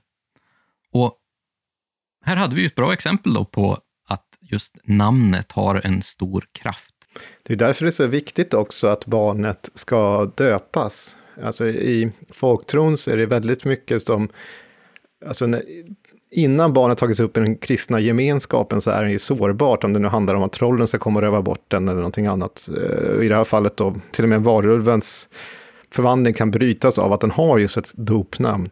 Så att någonstans här så är, har det varit av yttersta betydelse att, att bli döpt, helt enkelt. Och det handlar ju då, som jag sa, att bli en del av eh, kristna samfundet just det här med att dopnamnet har en, en, en stark kraft, kan man se det i andra sägner förutom just eh, varulvssägnerna där, där man är förbannad?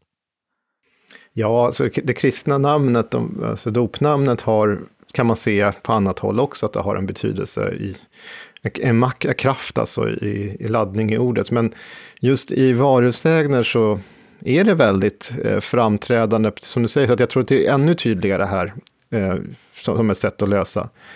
Sen, sen är det klart att, jag menar, i, i dagens skräckfilmer och sådär som vi ser eller annat så kanske inte vore det mest effektiva. Om det skulle folk bli ansatta av varulvar och de råkar säga namnet så ligger det en massa nakna personer där. Ja, det kanske en del skulle vilja se det också. Men... Det skulle nog bli en ganska kort film, tror jag. Ja, jo.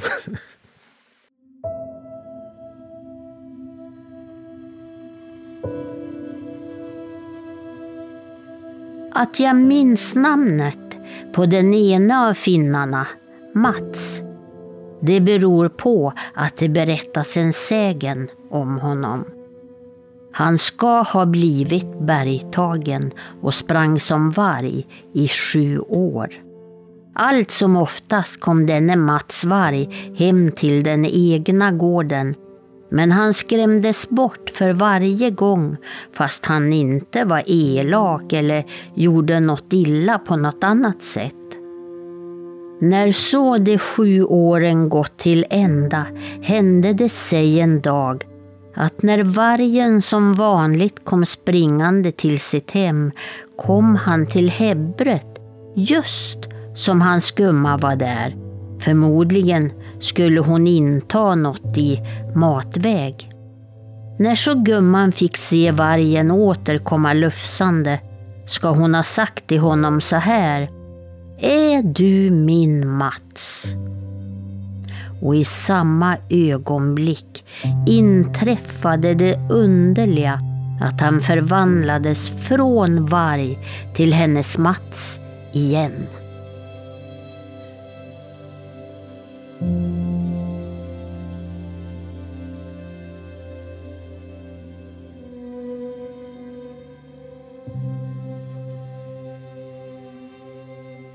Hade vi ju då Mats ifrån Dalarna som eh, blev en varulv. Det här tycker jag var lite intressant. Det, det är lite ospecifikt hur han blev en varulv, men han blev ju bergtagen. Jag skulle tro att i, det här, eh, i den här berättelsen, eh, från, från, det här sätt, från den här berättarens sätt att se, så hör det ihop. Här, han har blivit förvandlad genom att vara, ha blivit bergtagen. Så det är också ut, utifrån kommande förvandling då igen. Men han är ju inte, och det här är, här är också ganska typiskt för och det har vi inte egentligen pratat om, för att jag menar, vi tänker ju oftast på vargarna, varulvarna, som någon slags blodtörstiga driftmonster som liksom bara är ute efter att slita människor i stycken. Mm. Och man får verkligen leta i materialet innan man hittar det. För vissa har ju i södra den här att de är ute efter foster och liksom ska mäta sig med blod för att bli kvitt sin förvandling eller sådär. Och det är ju en ganska brutal eh, bit, men annars så är de oftast inte så här extremt blodtörstiga och inte alltid ger sig på människor heller. Det finns till och med berättelser när personer typ vet om att de är eh, varulvar och säger till sin hustru, är det oftast då, att eh, ja, du ska, om de går mot skogen så ska de liksom om det kommer en varg, för att de kan inte kontrollera sig själva när de är vargar, men så ska de liksom, eh, eh eller om de blir en hund eller någonting, så ska de kanske slå med tjugskaftet men inte sticka med gaffeln, alltså från den här tjugan.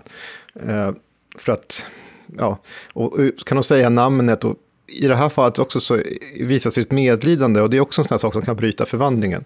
Så ganska mycket bryter och den här ja, ilskna varulven, visst den finns men det, det, det, det är ett hemskt varelse såklart men eh, den är inte alls lika tydligt farlig som den är i senare tiders eh, Hollywood-dramatiseringar av varulvar. Och sen har vi också en tidsaspekt här. Det har vi väl inte heller riktigt påpekat tidigare. Att eh, varulvsförvandlingen, eh, det är lite ospecifikt när man, när man måste förvandla sig till varulv. Det, liksom fullmånen brukar inte ytterst, ytterst sällan ha någon som helst betydelse för varulvsförvandlingen. Eh, det är något som har kommit med Hollywood också. Mm. Det, är ibland varje torsdag, ibland varje natt, ibland som i det här fallet sju år i rad och ibland är det alltid. Alltså det är, det är, det är väldigt olikt.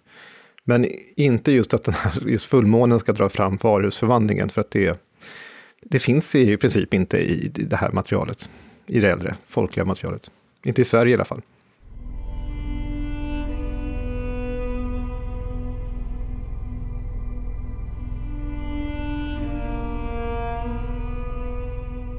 Det var en elak käring som gick till skogen efter ett litet kvastris.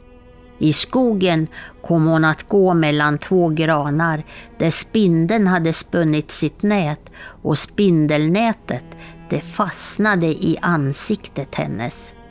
Över detta så svor hon och genast blev hon förvandlad till en varg och hon var en varg i sju år. Hon följde med en vargskock en gång som rev ihjäl en människa. Då gick hon inte och gjorde det och då blev hon människa igen. Sedan berättade hon hur svårt det var att vara varg. En julkväll så var de sju vargar om en enda katt. Emellanåt fingo de svälta så de måste äta endast videbark och tuggor som de hittade på skogsvägarna. Och emellanåt kunde de ha mat i överflöd, fast nog var det sällan det.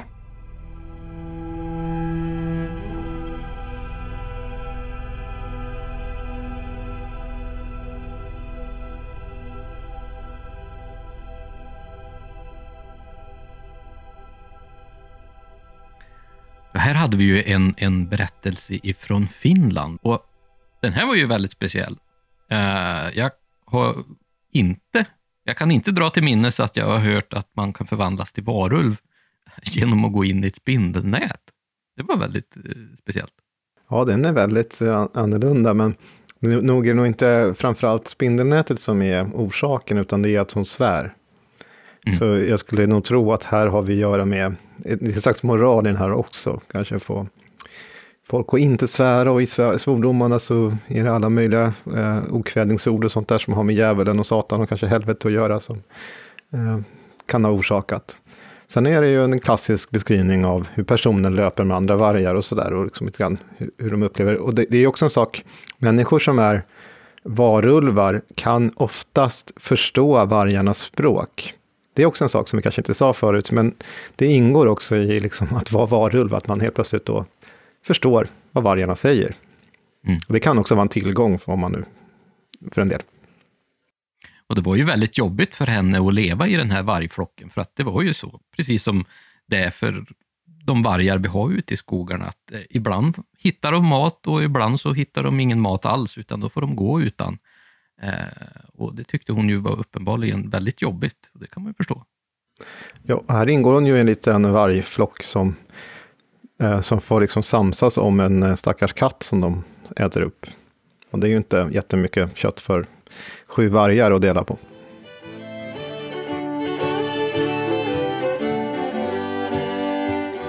En gång då han just höll på att arbeta med höslotten kände han att det där, alltså förvandlingen till varulv, skulle komma. Och därför sa han till hustrun att han måste gå in en bit inåt skogen. Men om det kom något djur till henne så skulle hon bara springa upp på hökuven och slänga till djuret något, för då behövde hon inte vara rädd. Efter en stund kom det ett djur som var någonting mitt emellan varg och hund. Kvinnan gjorde som mannen hade sagt och slängde iväg sitt förkläde som varghunden slet sönder.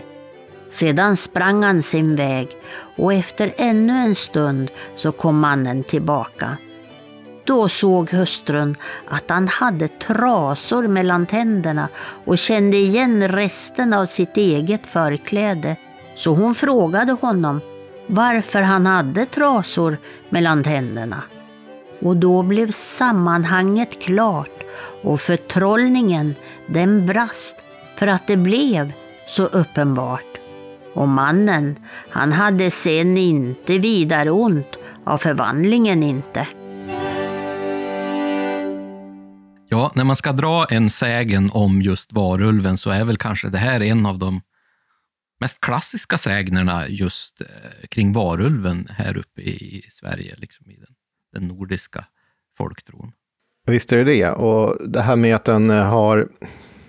Och det är också det man kan känna igen, den nednötta tänder som, som, alltså som människa då. Att det är för att den har varit ute och rivit, bland annat i, i klänningar och kjolar då, som den har. Eller kjolar är det väl mer, som den liksom river i och ibland får den bara tag i en bit och så kommer hon liksom loss.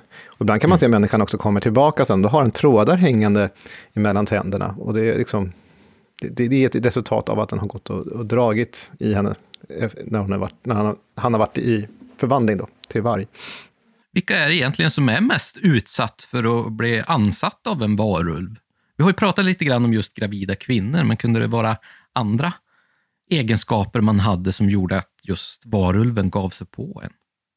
Det vanliga är faktiskt många gånger att det är kvinnor som angrips. Eh, och gravida kvinnor extra mycket så, även om, och det kan nu lägga kvar nog den här idén om att varulven är ute efter fostret, som vi har hört om i Sydsverige och på kontinenten och sådär. Men också kan det, man kan ju också läsa in någonting i att det här är ett sätt för männen att kontrollera unga kvinnor. För att man tänk, ibland sägs det att om, om eh, kvinnan har en man som går med henne, då kommer varven inte angripa. Så det är också ett sätt mm. att ha kontroll över kvinnorna, kan jag tänka mig. Mm. Men naturligtvis är det även alla som är ute och liksom vallar får och getter eller kor och sånt där kan också utsättas för varulvsangrepp då. Eller någon som har mycket djur eh, på sin gård kan det också såklart vara eh, ett offer.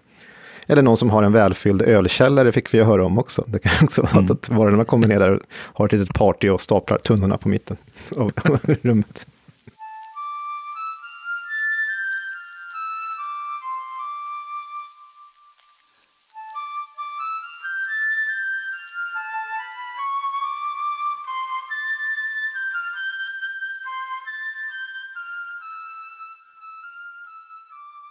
Nu har vi pratat väldigt mycket om varulven i våra trosföreställningar som vi har och den skiljer sig verkligen ifrån den kanske mer moderna synen vi har på varulven, som vi även kanske är mest van vid. Att det är det här stora, dreglande, farliga monstret som kanske går på två ben och ser ut som en blandning mellan liksom en varg och en människa mer. Men hur ser vi egentligen på varulven idag? Och var kommer den här bilden ifrån? Är det ifrån Hollywood som vi har den här synen på det här hemska monstret? Till stor del är svaret absolut ja. Mycket av den moderna varusföreställningen kommer från skrä tidiga skräckfilmer, eh, från 30-talets skräckfilmer, Universal och sådär, som gjorde, eh, så att säga, cementerade, befäste liksom, en föreställning om vad varulven var för något. Och sen får man ju se alla de här filmerna som kom redan så tidigt då. Den har ju oftast någon slags, de är ganska tragiska och det var ju mycket moralpanik kring dem när de kom. Och, men det finns ju oftast en, en, en, en till dimension i dem som är som kan nästan vara samtidskommentarer. Eh, alltså det är någonting, om någon förvandlas, eh, till, blir varulv mot sin vilja, oftast är det ju ett bett då i filmerna, så, så dödar den i slutändan sin älskade, alltså kvinnan och sånt där det, det, är inte, det är sällan de här varusfilmerna slutar med alla hoppar runt och är glada på en äng och dricker öl i tunnor och som de staplar på hög. Nej, men, så att det, det, finns, eh, det finns mycket som kommer i populärkulturen och, och filmerna har nog gjort ganska mycket, men vid sidan av dem och det hinner vi ju kanske inte prata så mycket om här och jag är inte heller den bäst lämpad att göra det. Men det finns också en svensk skräcklitteratur, inte bara svensk utan även en gotisk skräcklitteratur som över hela Europa. Och där är ju varulven också ett, ett återkommande tema. Det finns bland annat en, en väldigt bra artikel av en som heter, eh, en, en eh, litteraturvetare i Sverige som, från Jönköpings universitet som heter Mattias Fyr. Och han har skrivit just om eh, varulvs eh, alltså noveller och romaner, skräckberättelser om varulvar var i Sverige. Så en, en, sån, en sån sak är, är väldigt fascinerande. Det, det kom en, en hel del just varulvsberättelser. Typ bland annat 1800-talet där det finns varulvsbeskrivningar och potentiella varulvsbeskrivningar. Och till det senare så har han bland annat räknat in Selma Lagerlöfs eh, Gösta Berlings saga. Och, och, hon beskriver där liksom någonting som är, jag tycker är lite spännande om olika djur och farliga djur i skogarna. Och här då citat, två ställen som är av intresse här i. Det är, Lagerlöf skriver så här. I skogarnas mörker bor oheliga djur som längtar efter att klänga sig fast vid en blodfylld hals och vilkas ögon glimmar av mordlust. Där bor vargarna som kommer fram om natten och jagar bondfolkets släde, ända till hustrun måste ta det lilla barnet som sitter i hennes knä och kasta ut det till dem för att rädda sitt eget liv och sin mans. Och sen senare kommer då och där bor den förfärligaste av dem alla, björnen, som har tolv man styrka och som, när han blivit slagbjörn, blott kan fällas med silverkula. Kan något ge ett djur mera av förskräckelsens nimbus än detta, att han blott kan fällas med en silverkula? Slut på citat. Och här, här tycks det ju vara eh, just varulvsföreställningen eh, som, som, som lurar i bakgrunden. Och någonting annat som kanske kan nämnas här ute i, i förbifarten, det är ju också en författare som heter Valdemar Lindholm som 1909 skrev en, eh, en berättelse som heter just Varulfen, som ju också är en mm. skräckberättelse från, från den här tiden. Då. Så där just mm. såklart varulven är i centrum. När vi tänker på den här Hollywood-varulven så är det väl kanske främst skräck och själva splattergenren som kanske först lyfte upp varulven på, på bioduken. Och varken du eller jag är väl kanske just de experterna att prata om just det.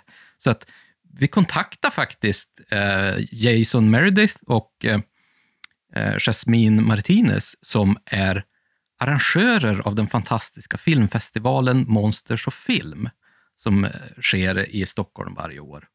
Och de var verkligen kanske de bästa vi kunde prata med just om hur varulven presenteras i skräckgenren och eh, hur, hur den framställs i, i splattergenren.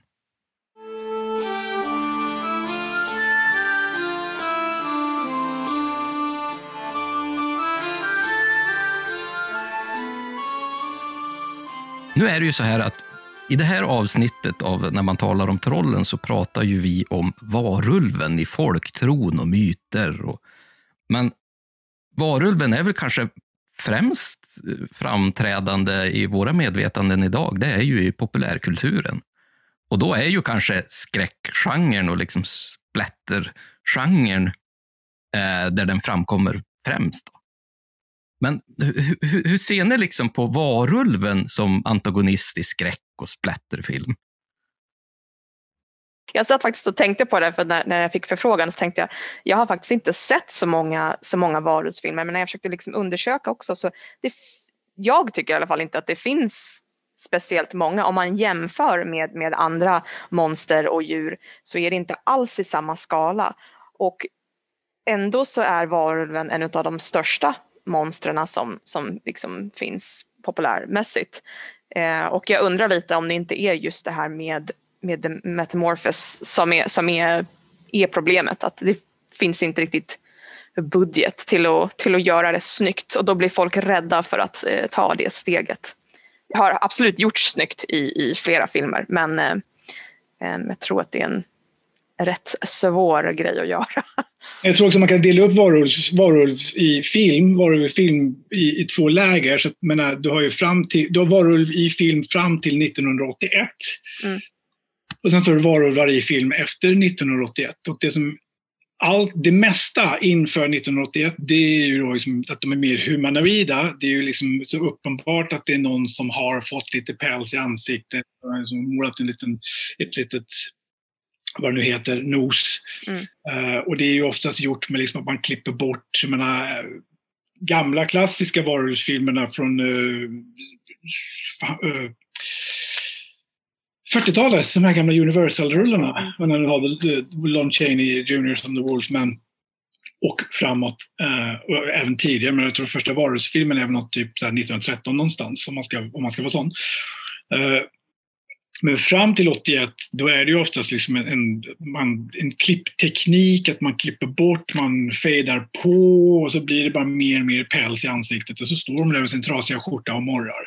Men 1981, när du får liksom både The Howling och American Werewolf in London, då är det ju faktiskt själva metamorfosen du får ta, ta, ta del av. Du ser hur de faktiskt förvandlas. Vargen kommer ju ur monstret istället för att vargen appliceras på människan. Och I och med det tror jag att det blir två väldigt tydliga olika läger. Det är väldigt sällan som folk har gått tillbaka sen och gjort liksom crossfade, solver och lappat på lite päls. Utan det är ju så här, okej, okay, har vi inte effekterna, då har vi inte varulven. Mm. Och då blir det mer som att de varulvarna i filmerna efter 81, de flesta, eh, där blir det ju faktiskt en en vargmänniska, det är inte en människa som varg, utan det är en Mm. vargmänniska. Det blir ju en varg. Och det tror jag är en väldigt stor skilj... Alltså, man, måste, alltså, man måste skilja på de två. Och jag tror fortfarande att folk är ändå lite hämmade av att man kopplar ihop varulvsfilm med allt fram till 1981. Man, man ser väldigt gärna lätt för sig som att de smyger runt där på kyrkogården med lite applika, applikationer i ansiktet. Skulle jag vilja säga. Mm. Och Twilight. Mm. Ja. Det är intressant ändå. Jag vet inte hur det är mytologiskt eh, ifall, ifall varulven och vampyren faktiskt möts. Men det är ju en väldigt eh, populär grej. Mm. Speciellt inom serier då, men, men inom film också. Att, liksom att det är den här varulven möter vampyren. Varför tror ni att det är så? Varför har det blivit så populärt? Bra fråga. Jag tror att man bara, jag tror man bara försöker mischmascha ihop liksom så mycket kultur, Ja. popkultur som möjligt. Men, Sen Man är- eftersom att de är, ganska, de är ganska skilda. Alltså det är ju eh, vackerhet med, med fulhet. Liksom. Vampyren är vacker och varulven är ful. ja, men jag tror att det tappar liksom in i det du sa förut Jasmin, att så här, det finns liksom att vampyren är mer romantiserad och varulven är mer liksom arbetaren som kan inte kontrollera sina drifter. Mm. Men det där har man ju gjort sedan liksom urminnes tider. Menar, Al Adamson gjorde ju filmer som Dracula vs Frankenstein. Jess Frank, den här gamla slismästaren, han gjorde ju också liksom Dracula vs Frankenstein-rullar. Eh, det finns ju jätte, jättemånga, kanske, men det finns ju en hel drös med mexikanska lucha libre-filmer där just mexikanska brottare möter vampyrer, oftast Dracula och Wolfman, äh, varulvar. Så att, att blanda de två blir ju alltid spännande och det är förmodligen det som är liksom jag vet ju inte vad jag ska säga, men om jag tänker så här.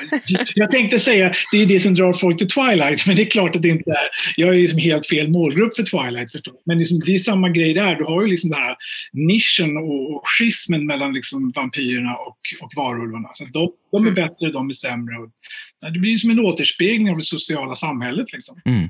Ja, men visst. Alltså, vampyren framställs ju oftast, idag kanske, eh, lite mer som den här lite mer högadliga, lite grann civiliserade. Mm. eh, varelsen som fortfarande har full kontroll av sitt psyke, och liksom, även om de har de här drifterna. Och, men de vill ändå vara del av en samhället. De kläder sig väldigt fint och socialt. Medan varulven är den här rena byrackan, det här monstret som bara krälar i, i, och, och är ute efter blod. Liksom. Mm. Så att det blir ju en väldigt kraftfull gräns däremellan. Och det är Ja. klart, det är ju säkert väldigt roligt att, att ehm, jobba med som Ja. filmskapare. Absolut. Jag försöker tänka på, är det någon som har gått ännu längre, som har tagit varulv, vampyrer, zombies och... Det är det säkert, men det är ju så att man ska komma på något i stundens hetta, då, då försvinner det längst bak i glömskans hav. Alltså det är väl typ Hotell Transylvanien. Ja, ja precis. Där är ju alla med. Nästan. Men det är ändå rätt intressant det också, just så här hur skräck genom popkultur har blivit också så här nischats mot barn. Det är lite en sån här diskussion som man kan återkomma till när man pratar om saker och ting. Jag menar, zombies då som var typ så här wow, the shit på 80-talet och 90-talet när det verkligen gjordes så fruktansvärt mycket zombiefilm. Det är ju nu inga ungar som är rädda för zombies. För att det tycker de är supercoolt för det finns ju i Minecraft och det finns ju lite i Plants vs Zombies. Nu kanske jag är lite out of date med mina tv-spel vad gäller barn, men det finns ju liksom ändå i barnens populärkultur också. Men när jag var tio år gammal då hade inte jag en aning vad en zombie var förrän jag började titta liksom i Fangoria-tidningar och läsa skräckböcker. Unga nu får ju det liksom gratis i och med allt de gör och tittar på. Jag tror att det kom lite på 90-talet, eller jag tänker på när jag var lite yngre, jag är, jag är lite yngre än vad Jason är, men, men eh, det var, och jag är också uppväxt i USA där det visades lite annorlunda barnprogram kanske än vad det gjordes här. Eh, men eh, det var ju liksom mycket Scooby-Doo på 90-talet, extremt mycket. Eh, Så där fick man ju en liten del och sen kom ju eh, Cartoon Network och de hade Courage till exempel. Och där var det också väldigt, alltså tittar jag tillbaka på det nu, jag bara shit, jag kunde titta på det här när jag var barn. Det, det är fan läskigt alltså. Är riktigt så här, eh, alltså obehagligt. Eh, och man, man ser verkligen alla skräckreferenser i, i sådana saker nu för tiden. Det gjorde man ju inte när man var barn. Så jag tror att det är lite det här att, att, man växer upp och så gillar man skräck och sen vill man liksom ge sina, sina efterhängare, liksom barn eller liksom det också. Mm. Så att jag tror att skräck växer lite det är en helt, eller för mig så är skräckgenren en helt annan grej för att det är, någon, det är en jag vet inte hur jag ska förklara det, men det är en form av liksom passion. Jag vill ju att mina barn tittar på skräck. Jag vill att mina, liksom sådär, och jag vill liksom föra det vidare. Och jag tror inte att det finns så många andra, andra eh, det är inte så att om jag gillar dramafilmer att jag vill föra vidare att jag vill mina barn ska titta på dramafilmer. Just den, den grejen finns inte riktigt på samma sätt. Eh, så jag tror att just skräck och möjligtvis sci-fi då får en, en lite mer eh, liksom passionsstämpel på sig. Mm. Mm. Jag skulle vilja våga påstå att skräck är den svåraste genren av alla genrer. Det är supersvårt liksom, att liksom, bygga upp rätt stämning, leverera, få trovärdiga karaktärer. Men en komedi kan ju vara vad som helst. Liksom. Men, mm. Det är bara att kolla på skiten som görs i komediväg nu. Liksom. Jag stänger av mer komedier när jag tittar med mitt yngsta barn än vad jag gör med med skräckfilm för att det blir så här, wow, vänta lite nu, nu är det under bältet här. Det här... Medan vi kan kolla på zombies som äter upp inälvor, det är helt okej. Men det är en annan sak, för han fattar ju som att han förstår ju att det här är som fantastik och det är bara på låtsas, medan någon som sitter liksom och bräker ur sig en massa liksom diskriminerande ord och har en kvinnosyn som är fel och liksom kanske lite douchebaggy. Den är ju svårare att liksom skydda. Det finns ganska dålig kvinnosyn inom skräcken också. Inte lika mycket längre, men förut. Det, men, det, gör, det gör det absolut. Ja, men, det, men man kan diskutera det på ett helt annat sätt känns mm. det som. Um, mm. Än vad man kan göra det på, på, på, på det, kanske får, det kanske får en djupare innebörd inom skräcken också. Ja, Absolut, och det är ju någonting som just med skräck tycker jag att man kan göra. Man kan, man kan dra fram de här problemen och visa det på ett helt annat sätt. Jag menar kvinnan är ju, är ju är ju ett monster i mycket utav, utav eh, eh skräckfilm. Och eh, mycket handlar om, ja men, eh, ja som The Company of Wolves, liksom ens kvinnas sexualitet ska alltid, liksom, man ska vara rädd för den och sådana saker. Så det är ju någonting som man faktiskt kan utforska i, att fortfarande ha den här dåliga kvinnosynen men samtidigt kunna utforska i, i varför och liksom dyka ner lite mer i, i just det. Vi kanske skulle kunna prata lite grann om just The Company of Wolf. Vad är det mm. som är så speciellt med den filmen inom den här genren? Ja, eh, jag har faktiskt inte tänkt på det på det sättet förrän jag, jag, jag såg faktiskt om den igår. Eh, jag tillhör ju den generationen som är så pass gammal så att jag såg den här på bio. Eh, och då var det kanske mest bara så här, wow, vilka coola effekter det är i den här filmen. För att det var ju 14 år, 15 år, det var det enda man, man, det var det man livnärde sig på. Eh, kanske inte såg så mycket av liksom det som faktiskt är medvetet, ganska, ganska, upp, ganska som är ändå ganska så här mycket på, fram, alltså i, i front i filmen. Liksom. Det, det, är inte så mycket gömt i, i skymundan. Så jag tror att man mest bara tänkte att den var konstig, coola effekter och konstig. Alltså ser man om den nu så tycker jag så här, den är ju otroligt poetisk. Lite så här Neil Jordan pretentiös. Eh, om, man ska vara, om man ska vara sån. Eh, det jag tycker är spännande med den som en varulvsfilm är ju det att du har ju två parallella historier om metamorfos. Du har ju dels män som blir vargar, det finns också en del kvinnor, men du har liksom mannen som besten. Och så har du ju kvinnans metamorfos, övergången från barn till kvinna liksom, med pubertet och menstruation och nu ska hon bli vuxen och män kommer börja tråna efter dig och eftertrakta dig. Det tyckte jag faktiskt var ganska intressant att titta på nu.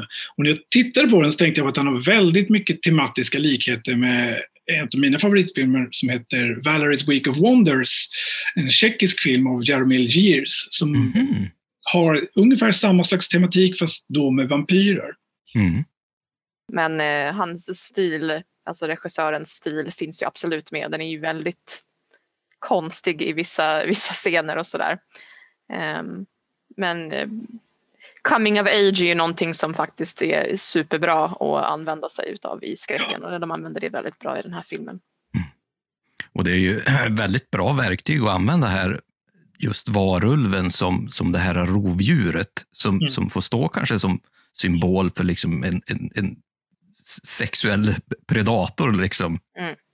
Eh, Men även just den här transformationen, precis som du sa Jason, att, att, att det, det är en övergång till någonting helt annat.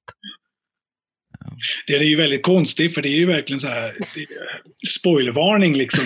Det är det är ju en film som är nästan typ är en 30, 40, Ja, 50 så det är det. år gammal. sig själv.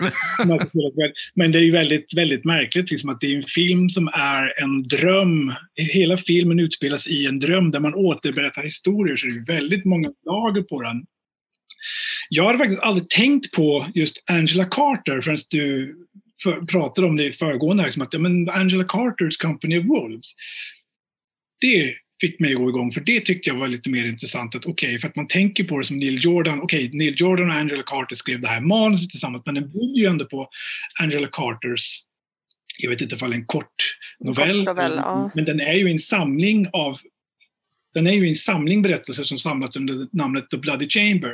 Och det är ju lite det man känner när man ser den här filmen. Det är nästan som en antologifilm som hänger ihop i och med den här? Rosabeth hette hon va? Hennes Mm. drömmar. Rosalind, mm. Rosalind. Ja. Mm. Så att, ja, men det var intressant. Så att just Angela Carter väl lite mer så här, måste titta lite mer på henne, för det är ju oftast det som jag tycker, lite för att det är också i linje med vad vi sysslar med med festivalen, lyfta fram kvinnor. Menar, man pratar ju väldigt sällan om Shirley Jackson, man pratar ju sällan om, om Angela Carter, man pratar ju alltså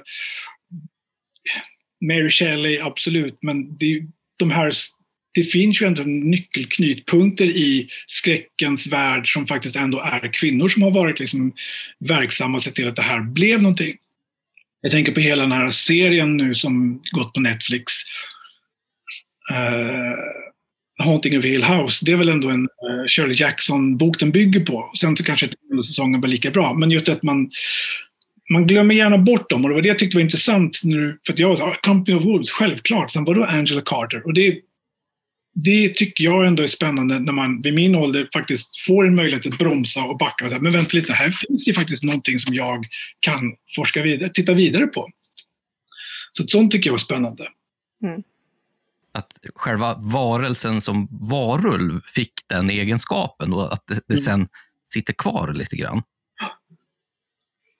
Det är konstigt, för jag, jag ser ändå, det, det är lite så här, jag ser ändå varulven som en ganska sexuell varelse på något sätt. Men samtidigt så tycker jag inte att den har, har eh, liksom visat sig vara speciellt sexuell. Om man tänker jämförelse Fast, med fast det, det tycker jag nog ändå att den har, för att jag tycker att här, om man bara backar ner... Okej, ja, jag har inte, jag har inte Kollar man Universal-tiden, den, den, den missar jag. Men kollar man ett paraply, från ett, ett, ett, ett paraply så här, då har du, så här, du har alltid mannen som blir varor som inte kan kontrollera sig när det blir fullmåne och i, i nästan de flesta skulle jag våga säga att det alltid är någon stackars liten kvinna som är så här, åh hjälp! Som, Fast det blir aldrig sexuellt på det sättet. Efter att man har transformerat så blir det aldrig liksom att varulven försöker sig på sexuellt på kvinnan. Det är mer att den försöker typ döda den. Alltså det är ju, det är ju på så sätt, visst okej det är så här mannen och han är en predator och det blir så här, åh, liksom, på så sätt kan man ju absolut koppla den till det, sexuella. Eh, speciellt kanske som, som kvinna då, som en, en, en eh, eh, straight kvinna så kan det bli liksom så lite grann. Men, men eh, jag tycker att man, alltså vampyren är ju ändå ganska på. och, och, och, och vargen eller varulven är inte liksom det på samma sätt. ehm, som en, ja, det är sant. Varulven är inte fullt lika pilsk som Nej, precis. nej. Det handlar nog mest om de här okontrollerbara drifterna, tror jag, som att Ja. den får. Liksom. Ja. Men det är ju det som är så roligt med den här filmen, att det, det går tolka den på så jädra många olika sätt, just för att den är så himla speciell. Liksom. Verkligen. Ja, den är lite dubbelmoral också. Alltså Ja. lite så här, bara, ah, den här mannen, den, han är farlig för han kommer, han kommer ja, i princip våldta dig liksom, och, och lura dig. Men, men samtidigt så är det så här, ah, men kvinnan ska få eh, visa sin sexualitet. Så man, man vet ju inte riktigt så här att, att eh, ifall det är så att de vill att man inte ska men det är väl också alltid så för, för, alltså i, verkliga livet också. Att man ska få visa sin sexuella frihet men samtidigt så ska man vara försiktig omkring män eh, som kvinna. Ehm, så det blir lite så här, och det visar de ju ganska bra. Alltså att det blir en stor konflikt i, i, i sig.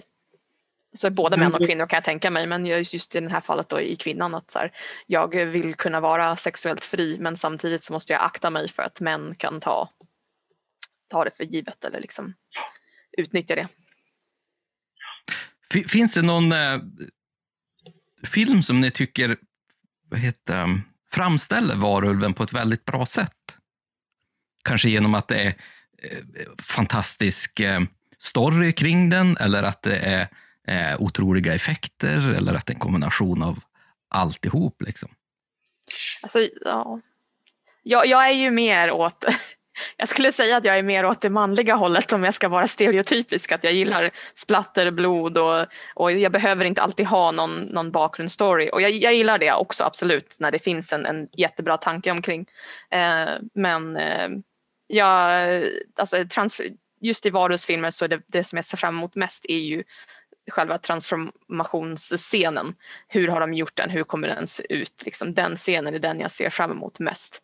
Och jag tycker att de gör den alltså, jättebra i American Werewolf in London såklart. Men jag älskar också hur de gör den i The Howling. Jag tycker den är fantastisk eh, eh, transformationsscen i, i The Howling. Och den är lite mer råare tycker jag än, Absolut.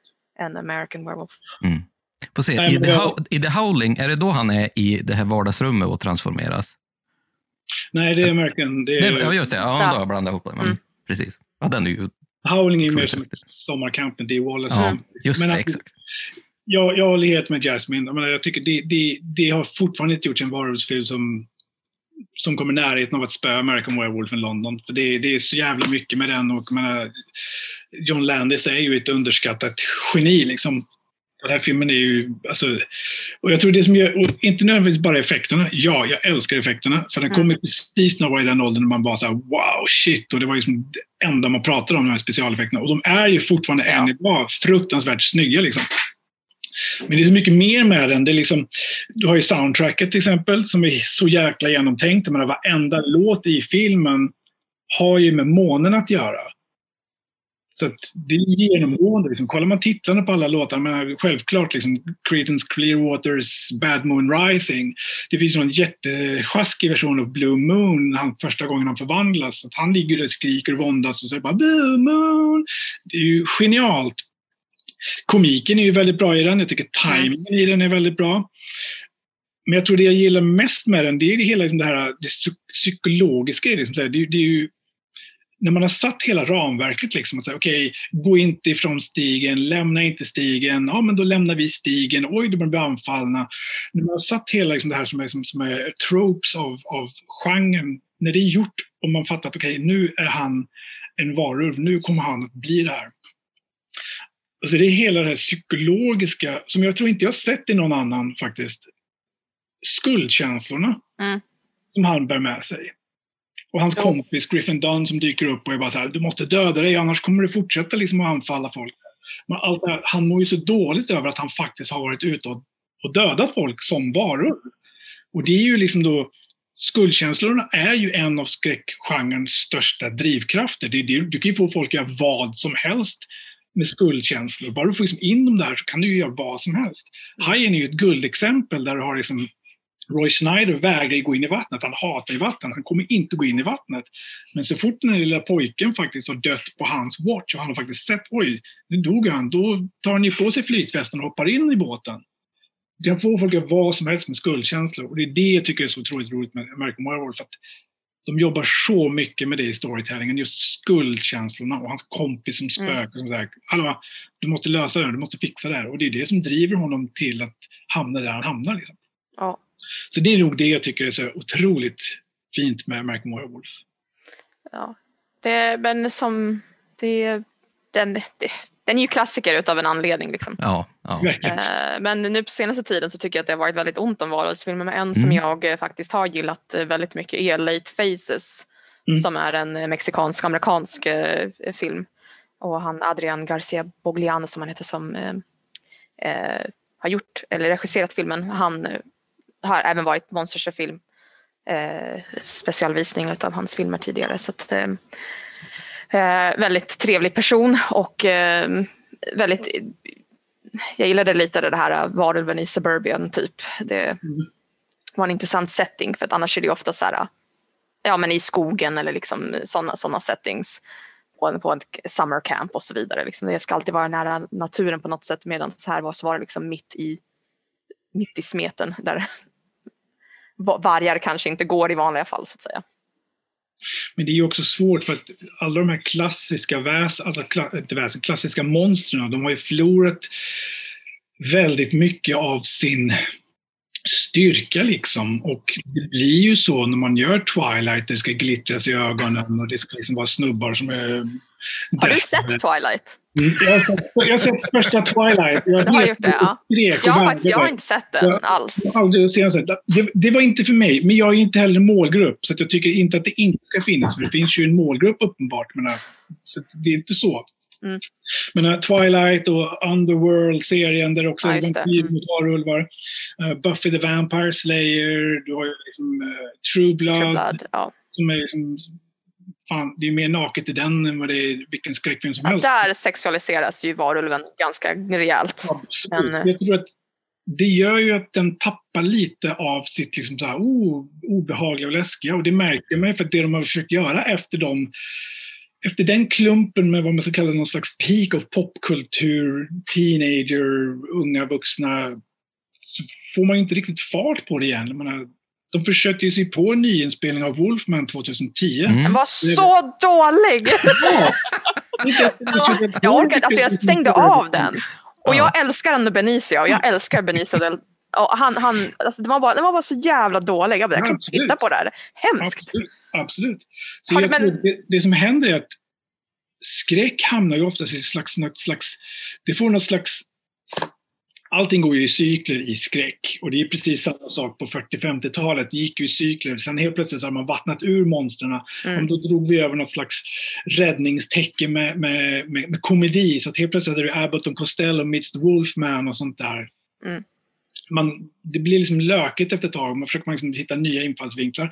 Och det är väl lite det jag tycker liksom just nu är med varulven också. Liksom, så och många andra i, i, i skräckvärlden, att det ska liksom dras någon slags komeditäck över det hela.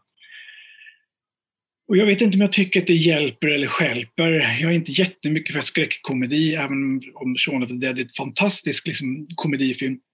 Men när man får så här filmer som Teen Wolf, Wolf Cop, Another Wolf Cop, Among the Shadows. Om man tillför komiska element, det blir liksom någonting annat. Då försvinner det här farliga i det. Liksom. Mm. Ni kanske kan ge mig lite bra svar, hoppas jag. På varför är egentligen monster i överlag så bra och liksom effektfulla antagonister i film? Jag skulle vilja säga så här, att monster representerar ju ett existentiellt hot mot normala. Och när man bryter ner liksom hela det här sociala förhållandet vi har och tillför liksom kaos och destruktivitet, då blir ju monstren väldigt tydligt en person, eller en, någon, något som struntar i det. De bryr sig inte om förhållningssätt och regelverk. De kan göra precis vad de vill. Och det är därför tror jag som vi fascineras av monster i, i folksägner och, och i skräckhistorier. För att de imponerar ju lite på oss genom att vara badasses som faktiskt bryter alla regler vi ska, som vi ska förhålla oss till. Och genom dem så blir det någon slags proxy-grej. Liksom. Vi kan ju fantisera oss att vi så här faktiskt, ja men jo man skulle kunna bryta de här reglerna. Men i och med att de bryter allt det där så de, de går ju över regler som vi bara kan drömma om att över, överträda. Liksom. Vi kan inte hålla på att döda folk och springa efter kvinnor och bita folk i halsen. Vi kan inte göra sånt där. Så att, de är ju en metafor för väsnet som säger ja till allt det förbjudna. Så då blir de någon slags... De, vi, genom skräck så får vi liksom någon slags proxy-deltagande i det som är förbjuden, förbjudet, skulle jag vilja säga. Mm. Samt att det är en liten del av sig själv. Alltså, alla har ju sin mörka sida och kanske inte till liksom fullt att så här, ja, jag har en varulv inuti mig, liksom, men, men att man har en liten mörk sida och att man kan se, det, se sig själv lite i de här äh, monstren. Eller ja, alltså skräck, skräckhistorierna. Liksom. Men om jag skulle kunna få avsluta lite grann med att be er och kanske ge våra tittare bra tips. Något bra tips på kanske en, en varulvsfilm som man skulle bo, eller borde titta på? Men alltså, om, man, om det ska vara varulvsrelaterat, då måste jag säga att man måste se American Werewolf in London. Den är, den är, det är it's mandatory, den måste man verkligen se. Den är en, en helt annan liga för sig. Uh, Neil Marshall som gjorde The Descent, den här grottfilmen för några år sedan, han gjorde ju också en varulvsfilm som heter Dog Soldiers, som också är väldigt bra uh, varulvsfilm. Jag gillar den, det finns en bra twist i den. Och någonting lite nyare skulle det kunna vara och det är också Independent som vi gillar. Uh, en regissör som heter Jeremy Gardner. Han gjorde en film som heter After Midnight. Kanske inte jättemycket eh, varulvar på, på, i bild, men har liksom ändå en, en, tematik kring människa, utveckling, hitta sig själv. Eh, Väldigt mycket en, en amerikansk independent film, lågmäld, mer emotionell än kanske jump scares. Men det finns någonting med den som jag verkligen gillar och jag tycker slutet var bara tipptopp. Sista scenen jag stod uppe som och skrek bara så här, fan, där satt den. Så det tycker jag eh, varulvsmässigt. Eh, jag dras ju mer till slow burning psykologiska filmer nu för tiden. Och då tycker jag att det, vi, har ju, vi har ju blivit bortskämda på de sista åren med saker som Hereditary, Midsommar, Mother. Uh, jag tror att Relic är på gång att släppas när som helst nu. Eh, jag gjorde en kvinnlig regissör som heter Natalie Erica James. Det är en väldigt intim eh, liten skräckfilm som är väldigt nära, så här, skulle kunna vara på riktigt. Och det är det jag gillar med de här liksom, psykologiska sakerna. Man, det skulle kunna vara jag eller min granne och sen så glider det över i den här skräckgenrevärlden. Saint Maud tycker jag liksom var helt fantastisk. Det kommer att vara sån här publikdelare. Vissa kommer att hata den. Jasmine kommer att hata den. Tror du det? Jag tror att den kommer att straight up my alley. Du kommer att hata den. Jag älskar den. Jag är helt satt på att jag kommer att älska den. Det är också en psykologisk Jag gillar sånt! Jag är inte bara splatter, bröst och, Nej, och liksom det är klart du inte. Men jag, vi ska prata vidare om den sen, du och jag. uh, splattermässigt, alltså, om jag ska introducera någon till splatter då, då backar jag nog hela vägen tillbaka till 80-talet och säger så här, titta på Reanimator, för det är ju en klassiker, för då har man skräck och splatter i, i, i liten komisk symbios. Och vill man utmana sig ännu mer skulle jag säga att börja titta på gamla italienska grejer eh, från 80-talet. Eh, Fulci-filmerna. Han gjorde en, en svit med fantastiska splatterfilmer. Och de är också lite mer, de, de de är lite mer saltade än vad kanske Reanimator är som är lite mer humoristisk. Men Lucio Fulcis The Beyond eller Zombie Flash Eaters har inte riktigt den humorn. Men de är likväl väldigt intressanta som splatterfilmer skulle jag vilja säga. Mm. Just när det gäller varulvsfilmer eh, så eh, som jag nämnde tidigare, eh, jag gillar Late Faces eh, framförallt för jag tycker att den är eh, lite annorlunda. Den kom typ när det inte riktigt fanns så mycket, mycket varulvsfilmer som släpptes. Så att det, jag tycker att den kickade igång liksom, det hela lite mer. Eh, och eh, jag vet att det här inte är riktigt en varulvsfilm. Eh, men jag vill rekommendera den ändå. Det är The Breed. Jag tycker att den, eh, det är lite mer hund, hundaktigt djurskräckis. Men jag tänker att den tar lite inspiration ifrån, ifrån varulven liksom, i, den, i den filmen. Och jag tycker den är lite annorlunda och lite originell och det eh, gillar jag med den. Eh, och sen så kan jag säga åt folk att hålla sig borta just från Cursed och den nya The Wolfman för de är fruktansvärt dåliga. Det är ett jättebra tips. ja, Cursed är alltså riktigt kass. Ja. Eh, men eh, sen ska jag, ja, lite film som jag gillar. Det, det är svårt, jag gillar sådana, speciellt skräckfilmer som kanske inte riktigt är skräck men jag tycker är obehagliga. Eh, min typ absolut favoritfilm någonsin och regissör David Lynch som gör mycket som eh, går över gränser på alla, alla form. Liksom. Ibland är det roligt, ibland är det jätteobehagligt och ibland är det sådär. Mulholland Drive är en av mina absolut favoritfilmer. Och den tycker jag eh, har en liten ingång till det här obehagliga som, som kan vara kan vara eh, värt att ha med sig när man börjar titta på skräck. Samtidigt är den kanske lite konstig så att man avskräcks lite kanske, jag vet inte. Eh, men Eh, Eh, jag tänker också eh, Starry Eyes som kom ut för några år sedan. Eh, som blandar drama och, eh, och skräck eh, väldigt bra, ehm, tycker jag. Det är, är väldigt eh, intressant take på, på hela alltet och med att gå in i kändisskap och sånt handlar det om. Um, och sen så älskar jag filmer som till exempel Tessis som är en spansk eh, film som är också lite mellan thriller och, och skräck som handlar om en tjej som försöker leta efter en snafffilm. Um, som... Var vi där igen? Alltså, ja, jo, men, men den här är, det här är inte ingen snafffilm.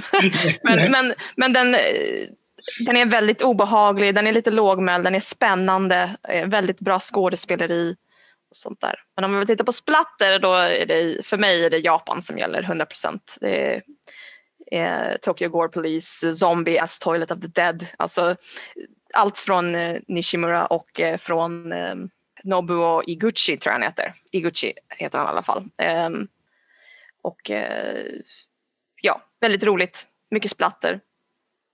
Mycket konstigheter. Men gud vad roligt det här har varit att liksom få sitta och prata varulvsfilmer och skräck med er. Det här har ju varit otroligt kul. Och vi ser ju fram nu att det, det, blir en festival till hösten här också då, mm. med Monsters och film. Yes. Tack detsamma. Tack, tack. Det var jätteroligt. Ha det jättefint hörni. Detsamma. Tack. Hej.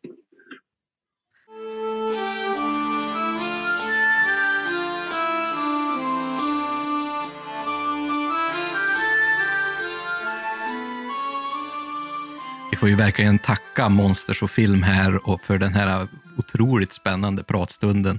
Det är ju det är så roligt att få se och vara med personer som verkligen brinner för, för sitt intresse och det gör ju vi också. Så det här var väldigt kul. Och så att vi kunde få prata om just splatter och skräckgenren som faktiskt en, var någon form av grogrund för Hollywood att lyfta fram eh, varulven på ett helt nytt sätt som skiljer sig väldigt mycket ifrån den folktro som vi, vi, vi har pratat om tidigare. Och jag kan bara hålla med, det här var ju fantastiskt att höra. Och vi kanske ska säga också att Monsters of Film ju i år firar tio år, nu mm. i höst, som, som festival. Jag har själv sprungit på flera av de här festivalerna och tycker att det är ett underbart tillfälle att se ganska mycket skräckfilm och, och många filmer som aldrig går upp på biografer annars. Men också det här med varulvens vara, alltså i film, det, den har ju också en ganska lång historia, den är ju över hundra år gammal. Mm. Den, jag skrev lite grann om det här i en, i en artikel en gång i tiden och, och då tittade jag lite grann på varulvsfilmer också och jämförde med folktron. Men då, där har jag liksom, den första varulvsfilmen heter just The Werewolf och är från 1913, alltså den är så pass gammal. Och sen kom det upp en hel del annat, Werewolf of London 1935. Men det, kom, det finns ju massa filmer här emellan. Men den som verkligen gjorde någonting, det var liksom The Wolfman från 1941. Och mm. den har, alltså även om den här uh, Werewolf of London på sätt och vis befäster hur en varulv ska se ut, för det gjorde den redan där, så är det någonting den saknade. Och det var en, uh, en riktig effektiv förvandlingsscen. För att, mm. precis som de pratade om här, så är det ju det som har gjort att många filmskapare kanske har dragit sig för att eh, porträttera varulvarna, för att det, det, som krävs är den här perfekta förvandlingen, som känns trovärdig och skrämmande på samma gång. Och det gjordes ju i The Wolfman, det var liksom där den första, riktigt, den första bra gjordes. Sen har det gjorts Eh, precis som de har senare, American Werewolf in London och sådär, som har vi förfinat ännu mera. Eh, men just den här tidiga, och, och det var liksom, det finns, fanns en makeup-artist som heter Jack Pierce som eh, har ett stor roll här. Och det är för att han, han gjorde det väldigt spektakulärt för sin tid. Han eh, fotograferade skådespelaren Cheneys eh, ben och så la han på lite jakhår, alltså från den här eh, djuret mm. från Mongoliet och Himalaya och eh, tog bilder och sen upprepade den här processen flera gånger så att man liksom ser, ser liksom, det växer fram. Så det här, och det här gör han hela vägen tills förvandlingen är klar. Så det här tycker jag är speciellt. Och det finns andra saker i den här filmen som är spännande som vi kanske ska ta upp här. Att även i den så um, finns det andra scener som också kommer bli väldigt betydande. Eh, det är att det är egentligen två varulvar i den här filmen. Och den, för att den första är bara med snabbt i början, men han, den biter huvudpersonen och det är av bettet han blir smittad. Mm. Och smittan finns inte i det gamla materialet. Det är något helt nytt. Här kan vi jämföra med vårt avsnitt om zombier också. Med Mm. gengångare, för inte blir man gengångare av att bli biten av en. Och det här kommer in här också, att det är bettet som gör att du själv blir, eh, så att säga, förvandlad till en varulv. Att du drabbas av förbannelsen. Så att det tycker jag är väldigt spännande. Och sen finns det lite andra saker i den här filmen som jag tror har betydelse långt fram. Men, men just om vi tar bettet och, och den tidiga förvandlingen så uh, har vi lagt grunden till den moderna varulvsföreställningen. Det är väl någonstans här också som den här äh, tanken med att det är fullmånen som, som äh, både fullbordar förvandlingen och att det blir en återkommande förvandling som, som man måste akta sig för. Men du, du, du har ju ingen kontroll över just det här, utan det är när det blir fullmåne, då, då, då förvandlas du. Ja, precis. Det är ju den här utlösande faktorn, alltså att det är fullmånen. Och jag tror nästan inga idag tänker på en varulv utom att tänka på en måne. Eh, Det har vi själv lite grann skämtat om när vi har gjort reklam för det här avsnittet, att vi har lagt en måne ibland och sådär.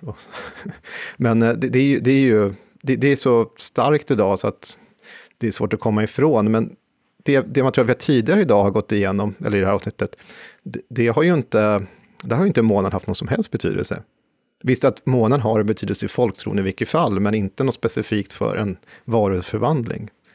Det är, inte, det är inte fullmåne varje torsdag och det är inte fullmåne sju år i rad och så vidare, utan det är ju det är andra orsaker som gör det. Men det blir ju väldigt, väldigt effektfullt och, och, och för, för, för en film så blir det ännu mer effektfullt att se en, en mörk natt och den här stora lysande månen som har sån attrakt, attraktionskraft, att den också då påverkar den här för, smittan och förvandlingen, att man blir en varulv.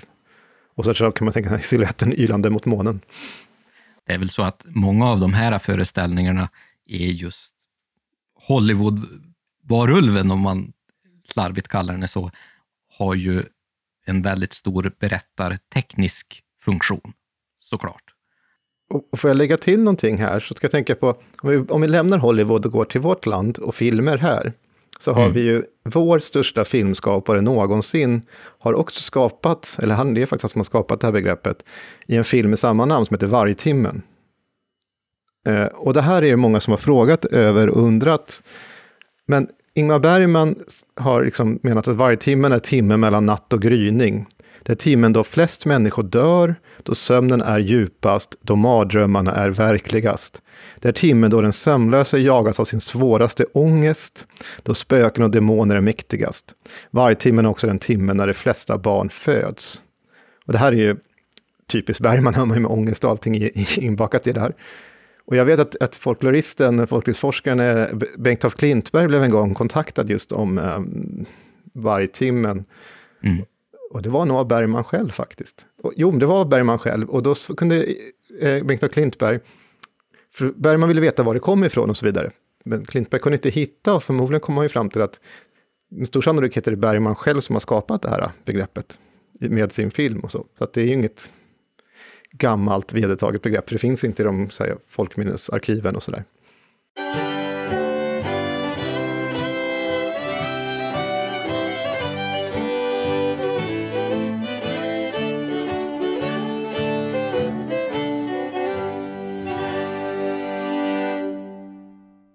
Ja, som sagt så har ju populärkulturen kanske färgat våran syn just på hur varulven ska se ut och bete sig och, och liksom hur den funkar i modern tid.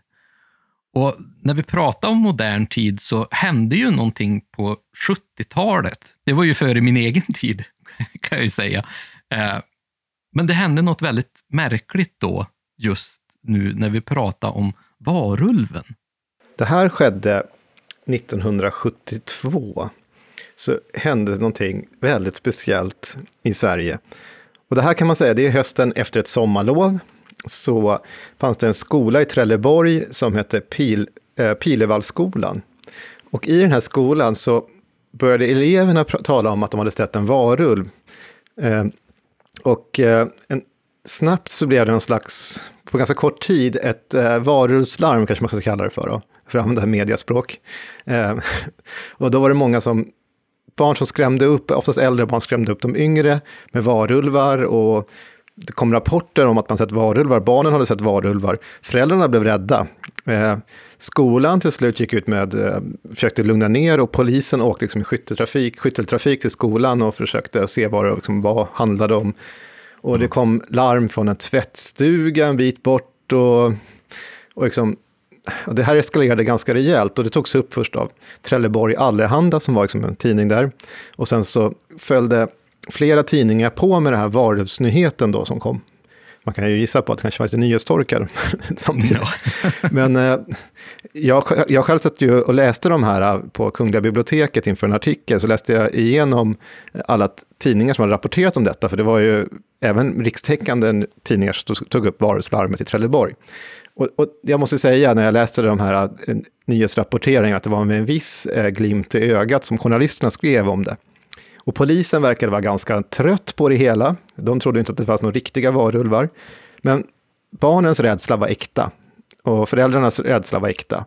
Så om man tänkte sig att det kanske var, jag tror från polisens sätt att se det, kanske att det fanns någon som hade klätt ut sig till en varulv, att det fanns någonting annat. Men barnen trodde ju på allvar. De kunde till och med visa upp varulvständer, sa de, med ställen som var de hade varit på, sådana saker. Så att, I det fallet så visade det var en ganska kort eh, intensiv period, om man säger så, ett par veckor. Och där, där finns en tanke om att det var just i en tvättstuga, någon som hade förmodligen sett ett skäggigt original, som man skriver här, alltså från bygden, som man kände igen, som var, visade sig vara en ganska snäll farbror. Men, Jag känner mig lite träffad där. ja, det var en Lars som gick och snokade i tvättstugorna.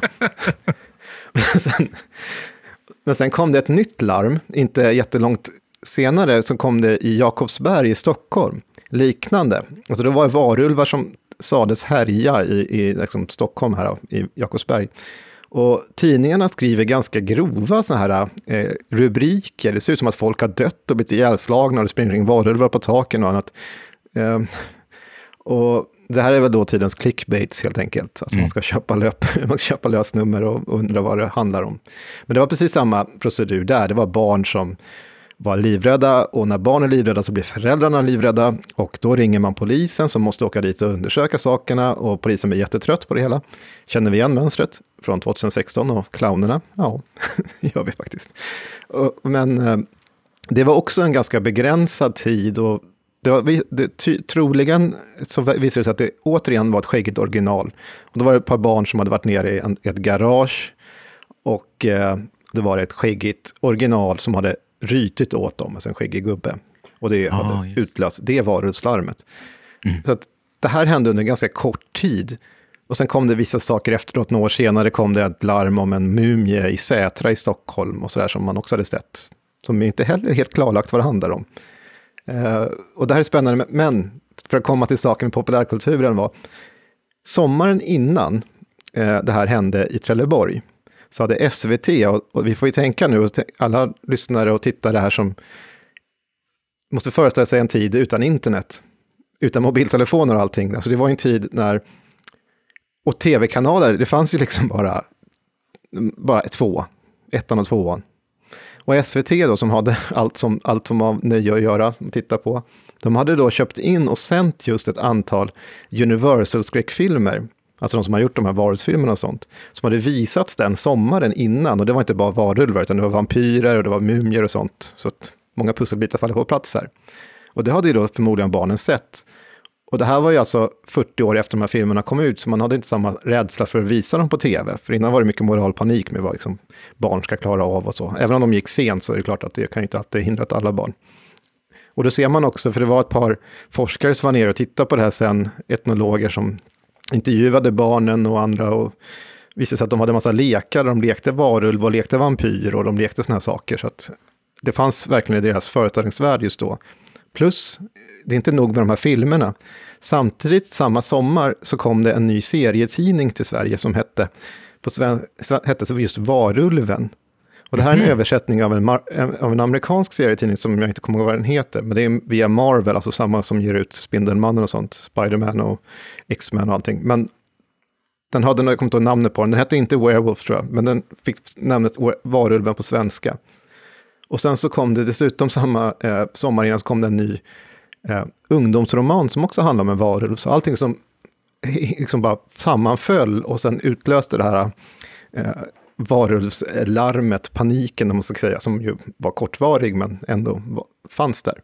Och många äldre kan nog fortfarande minnas tillbaka till den här äh, märkliga året, eller hösten då, hösten och vintern 1972. Ja, det är ett otroligt intressant fenomen faktiskt. Det, nu hände ju det här då för drygt 50 år sedan, men vi kan ju se liknande eh, händelser och fenomen idag när man tänker då på typ creepypasta kring Slenderman och, och, och liknande. Och som du nämnde tidigare, de här clownerna. Eh, att det blir en liten hysteri och det kanske oftast börjar i ungdomarnas ungdomarna sen säger jag som att jag vore jättegammal, men att, att det är just eh, i ungdomskulturen där, där, där det startade. Här. I Tyskland exempelvis, under andra världsk- efter andra världskriget så var det också en liten våg i Tyskland med varulvslarm. Eh, som, som det rapporteras om. Alltså, det var en tid när det var ganska ekonomiskt eh, elände, så att säga, efter andra världskriget och sådär. Och då kom det också nya larm om varulvar som var ganska kortvariga. På 1950-talet har det varit liknande i England, fast då var det något som kallas för Monster with Iron Teeth som hade härjat kring en kyrkogård.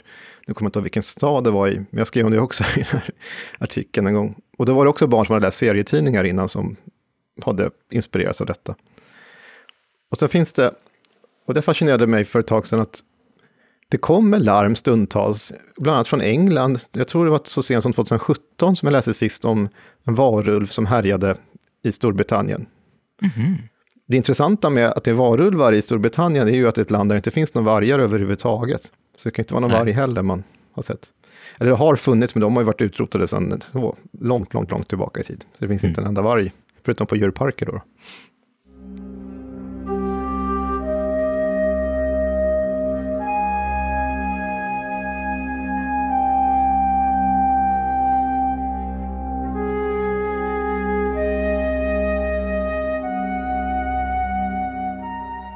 Folket, allt in till denna dag, de tycker att vargarna är som djävulens anhang och skapelse. Gamla kvinnor som bor i skogarna och som själva har sagt sig för att vara trollkunniga, de har fått namn efter sig att vara som vargamor, för de troddes ha alla skogens vargar under sitt skydd och sitt befäl. De där hedniska trolldomen att försätta människor i vargahamn, den tros ännu vara fortplantad på onda människor allt intill våra dagar. Finnar och lappar och ryssar, de avskys i synnerhet för sådan svår trolldom. Och då, under sista krigsåret mot Ryssland, då var Kalmar län fullkomligt översvämmat av vargar. Och då gick det ett rykte att ryssen förvandlade de svenska fångarna till vargar och sände dem tillbaka hem för att de skulle plåga landet. Det berättades att det var en soldat från Kalmar regemente förvandlad till en varulv som hade letat sig hela vägen över Ålands hav och fram genom skog och mark ända till sitt eget torp i Småland dit han längtade. Han ville se sin gård och sin hustru och sina barn som han hade lämnat där. Men eh, det kom en jägare och sköt honom och tog honom in i torpet. När man förlade av han skinnet, då kände torparhustrun igen skjortan, för den hade hon sytt till sin man när han gick hemifrån.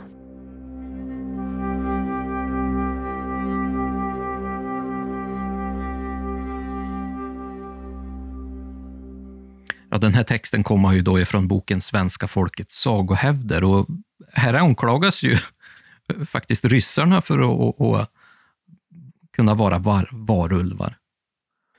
Ja, det är intressant, för vi har ju pratat förut om att andra folk kan förvandla eller kan orsaka att någon blir varulv.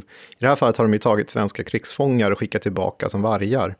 Eh, och så då ska du förklara varför Småland drabbas av så mycket vargar under en tid. För det är ju ryssarna som har förvandlat dessa svenskar till vargar som härjar. Och det är ju intressant att man liksom förlägger det här till, till, eh, till ett annat land. Men det har vi ju sett tidigare. Det kan vara samer, det kan vara finnar, det kan vara romer eller det kan vara till och med grannbygden. Men det finns ju faktiskt en, en eh, rysk patient här, som, som kallas Vargmannen. Och då har vi ju den eh, ganska kända psykiatrikern Sig, Sigmund Freud som är inblandad i det här.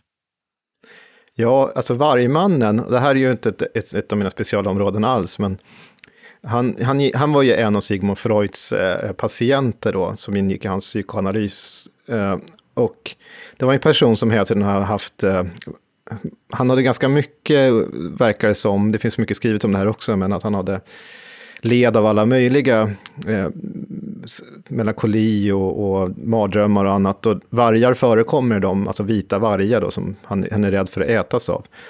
Så bland annat därför kallas han för Vargmannen. Och det här blev ett, ett av hans mest kända fall av, av någon anledning. Och han, den här personen då var eh, eh, från kejsardömet i Ryssland då, på den tiden.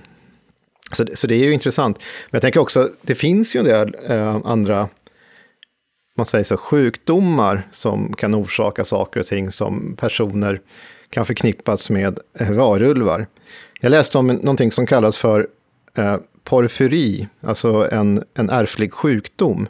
Och den här kan göra så att en person kan uppvisa samma alltså fysiska eh, så att säga, abnormiteter, om man får använda det ordet, som tillskrivs eh, varulvar i, i folktraditionen oftast. Och det kan, mm. det kan vara sånt som att man har, om man får ett överskott av det här så kan man få hudskador som gör att gommarna börjar liksom degenerera och så att tänd, tänderna sticker fram och ser ut som huggtänder.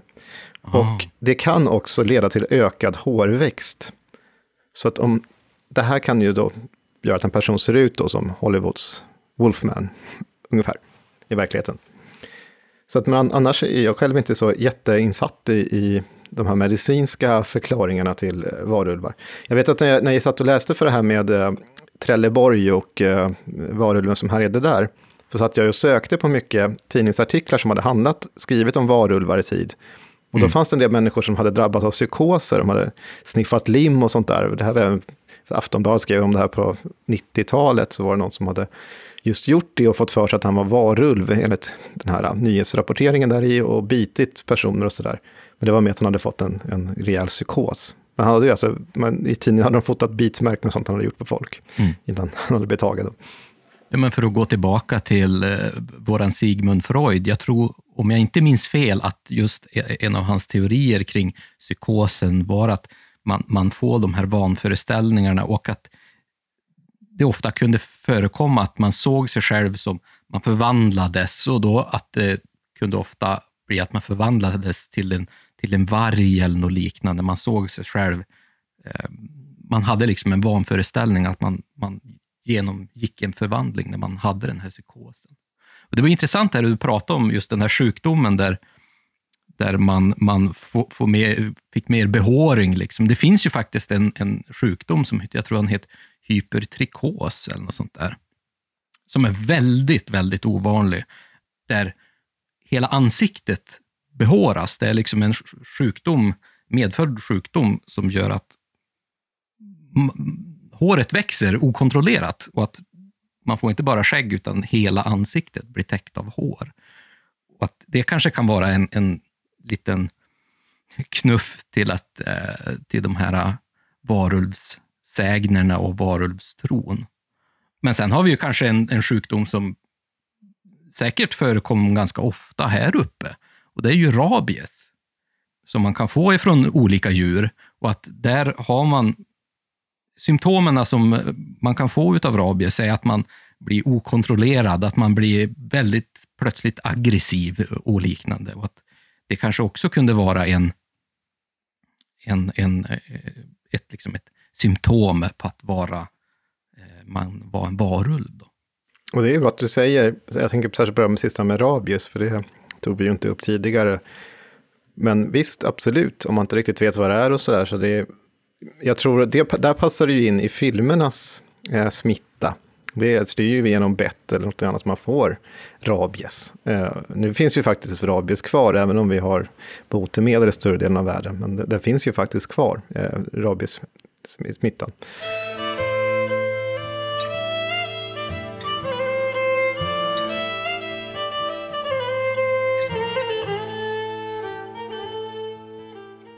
Ja du Tommy, nu har vi pratat väldigt, väldigt mycket om eh, varulven här på många olika sätt. Eh, både i folktron och i myterna och främst i filmens värld. Men om vi tittar till det material vi har utgått ifrån och det material som man kanske vill ha reda på eh, om man vill forska lite mer om det här och läsa lite mer. Har du något tips på bra litteratur som man skulle kunna söka? Ja, absolut. Och det absolut första man ska vända sig till, nu har vi redan nämnt den i, i det här avsnittet, men det är ju Ella Odstedts eh, Varulven i svensk folktradition från 1943. Den är en, en fantastisk källa över eh, varuhusföreställningar i Sverige. Och man skulle, om man nu är den nästan svårare att få tag på än originalet, men det kom ut en nyutgåva 2012 av Malört förlag som inte är igång längre, men de var igång i tio år. Och de, de släppte då, 2012 då såklart, eh, eh, den här boken igen. Och i den nyutgåvan så är det jättefina illustrationer av en konstnär som heter Timo Ketola. Och sen så är det en inledande text och det är ett antal som appendix som då Bland annat har jag skrivit om varulven i fornnordisk tradition. Vi har Mattias Fyr som jag nämnde här som skriver om den i skräcklitteratur.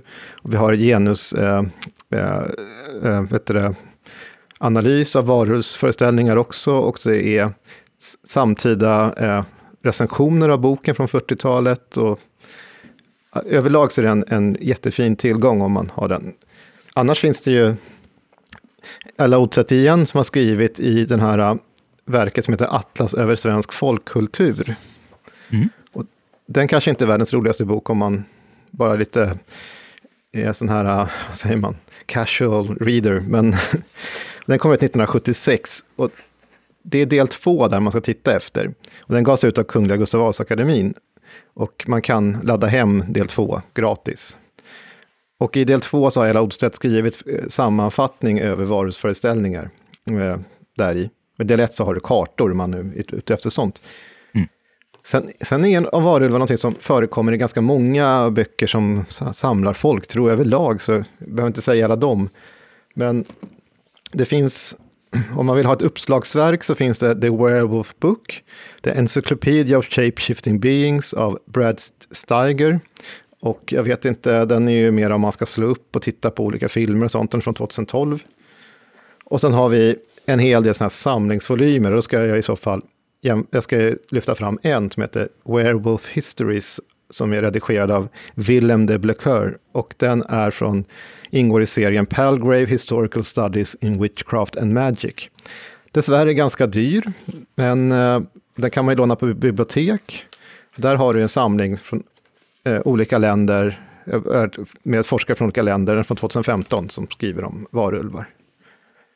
Det, det är nog det som jag har eh, på rak arm så här som är bra. Jag tycker att det lät som fantastiskt bra tips.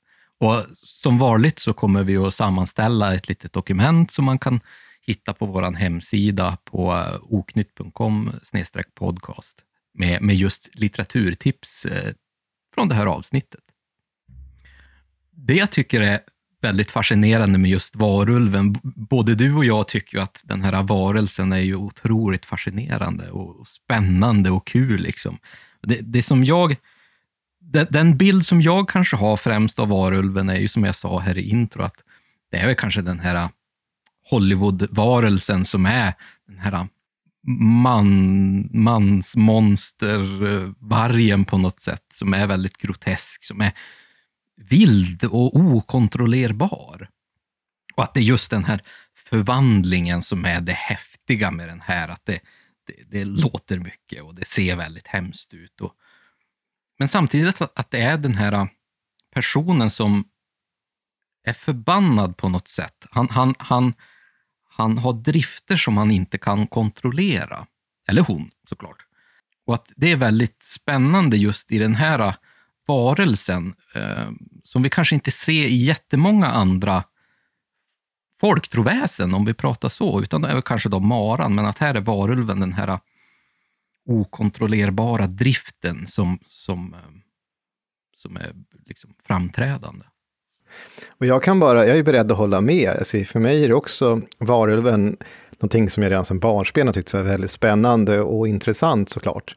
Och när det är varuhusfilmer, då är det ju förvandlingsscenen som är det som liksom man, man minns och man vill åt om man tittar på dem. Hur hemska de än är att se på så är det liksom så fascinerande.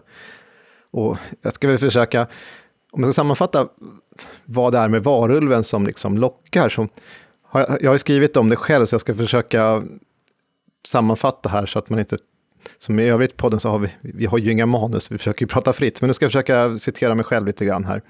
Eh, och då tycker jag att varulven, liksom, det, det, är någonting som är, eh, det, det, är liksom rädslan för eh, det okända. Och det ingår här också i någon slags misstänksamhet mot det som är främmande och även främmande människor kan ingå här.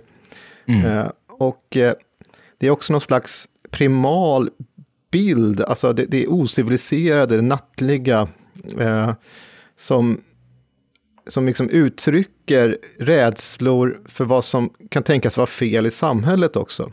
Och inte minst mm. i populärkulturen. Och alltså, som jag sa i början, det är också en rädsla för vad som finns lurar inuti människan. Det är liksom besten eller djuret som finns inom oss alla. Alltså en potentiell förändring av det rationella och det moraliska. Och en person, oavsett om man är en, världens snällaste präst och blir en varulv, så, så blir man liksom bara ett, liksom ett fruktansvärt djur. Och det enda som finns kvar är liksom drifterna, det är lust och det är hunger och det är ilska. Och det, här, det är det här vi ofta ser i, i, i, i Hollywoodfilmer också. Och det är det som jag fascineras väldigt mycket av när det gäller varulvar.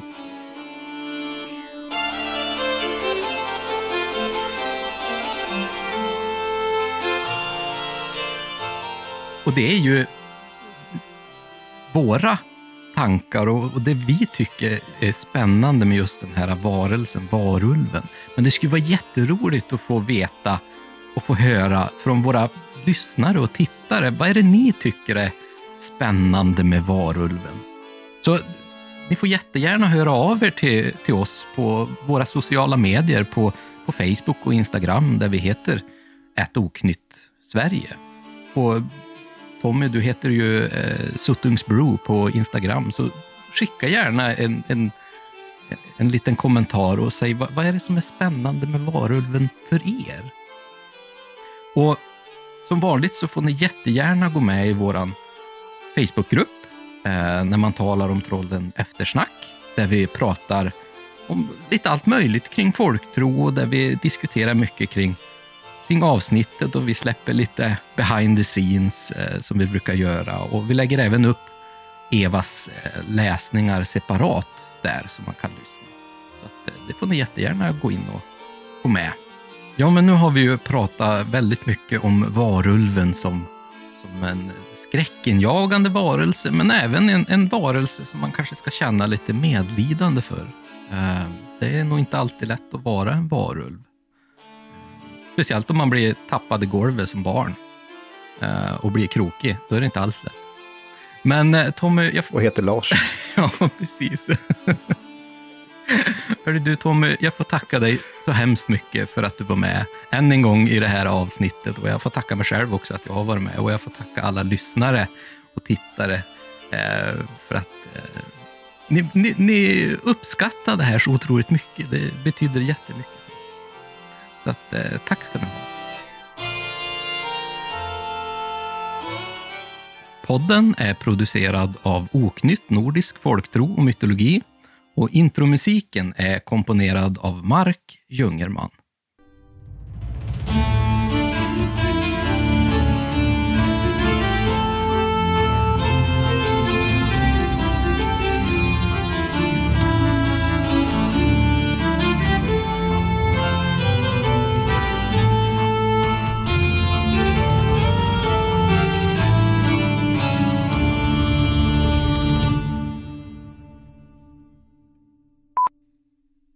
Men Tommy, va- vad är det med varulven som tyckte du är...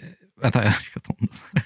Jag. Bra att du, att du stakar där, för nu ska jag låta smart. Ja. Nu, ska jag, nu ska jag titta på min artikel. Nu? Nu först? Du har suttit Ja. i tre timmar och först nu du ska börja låta smart.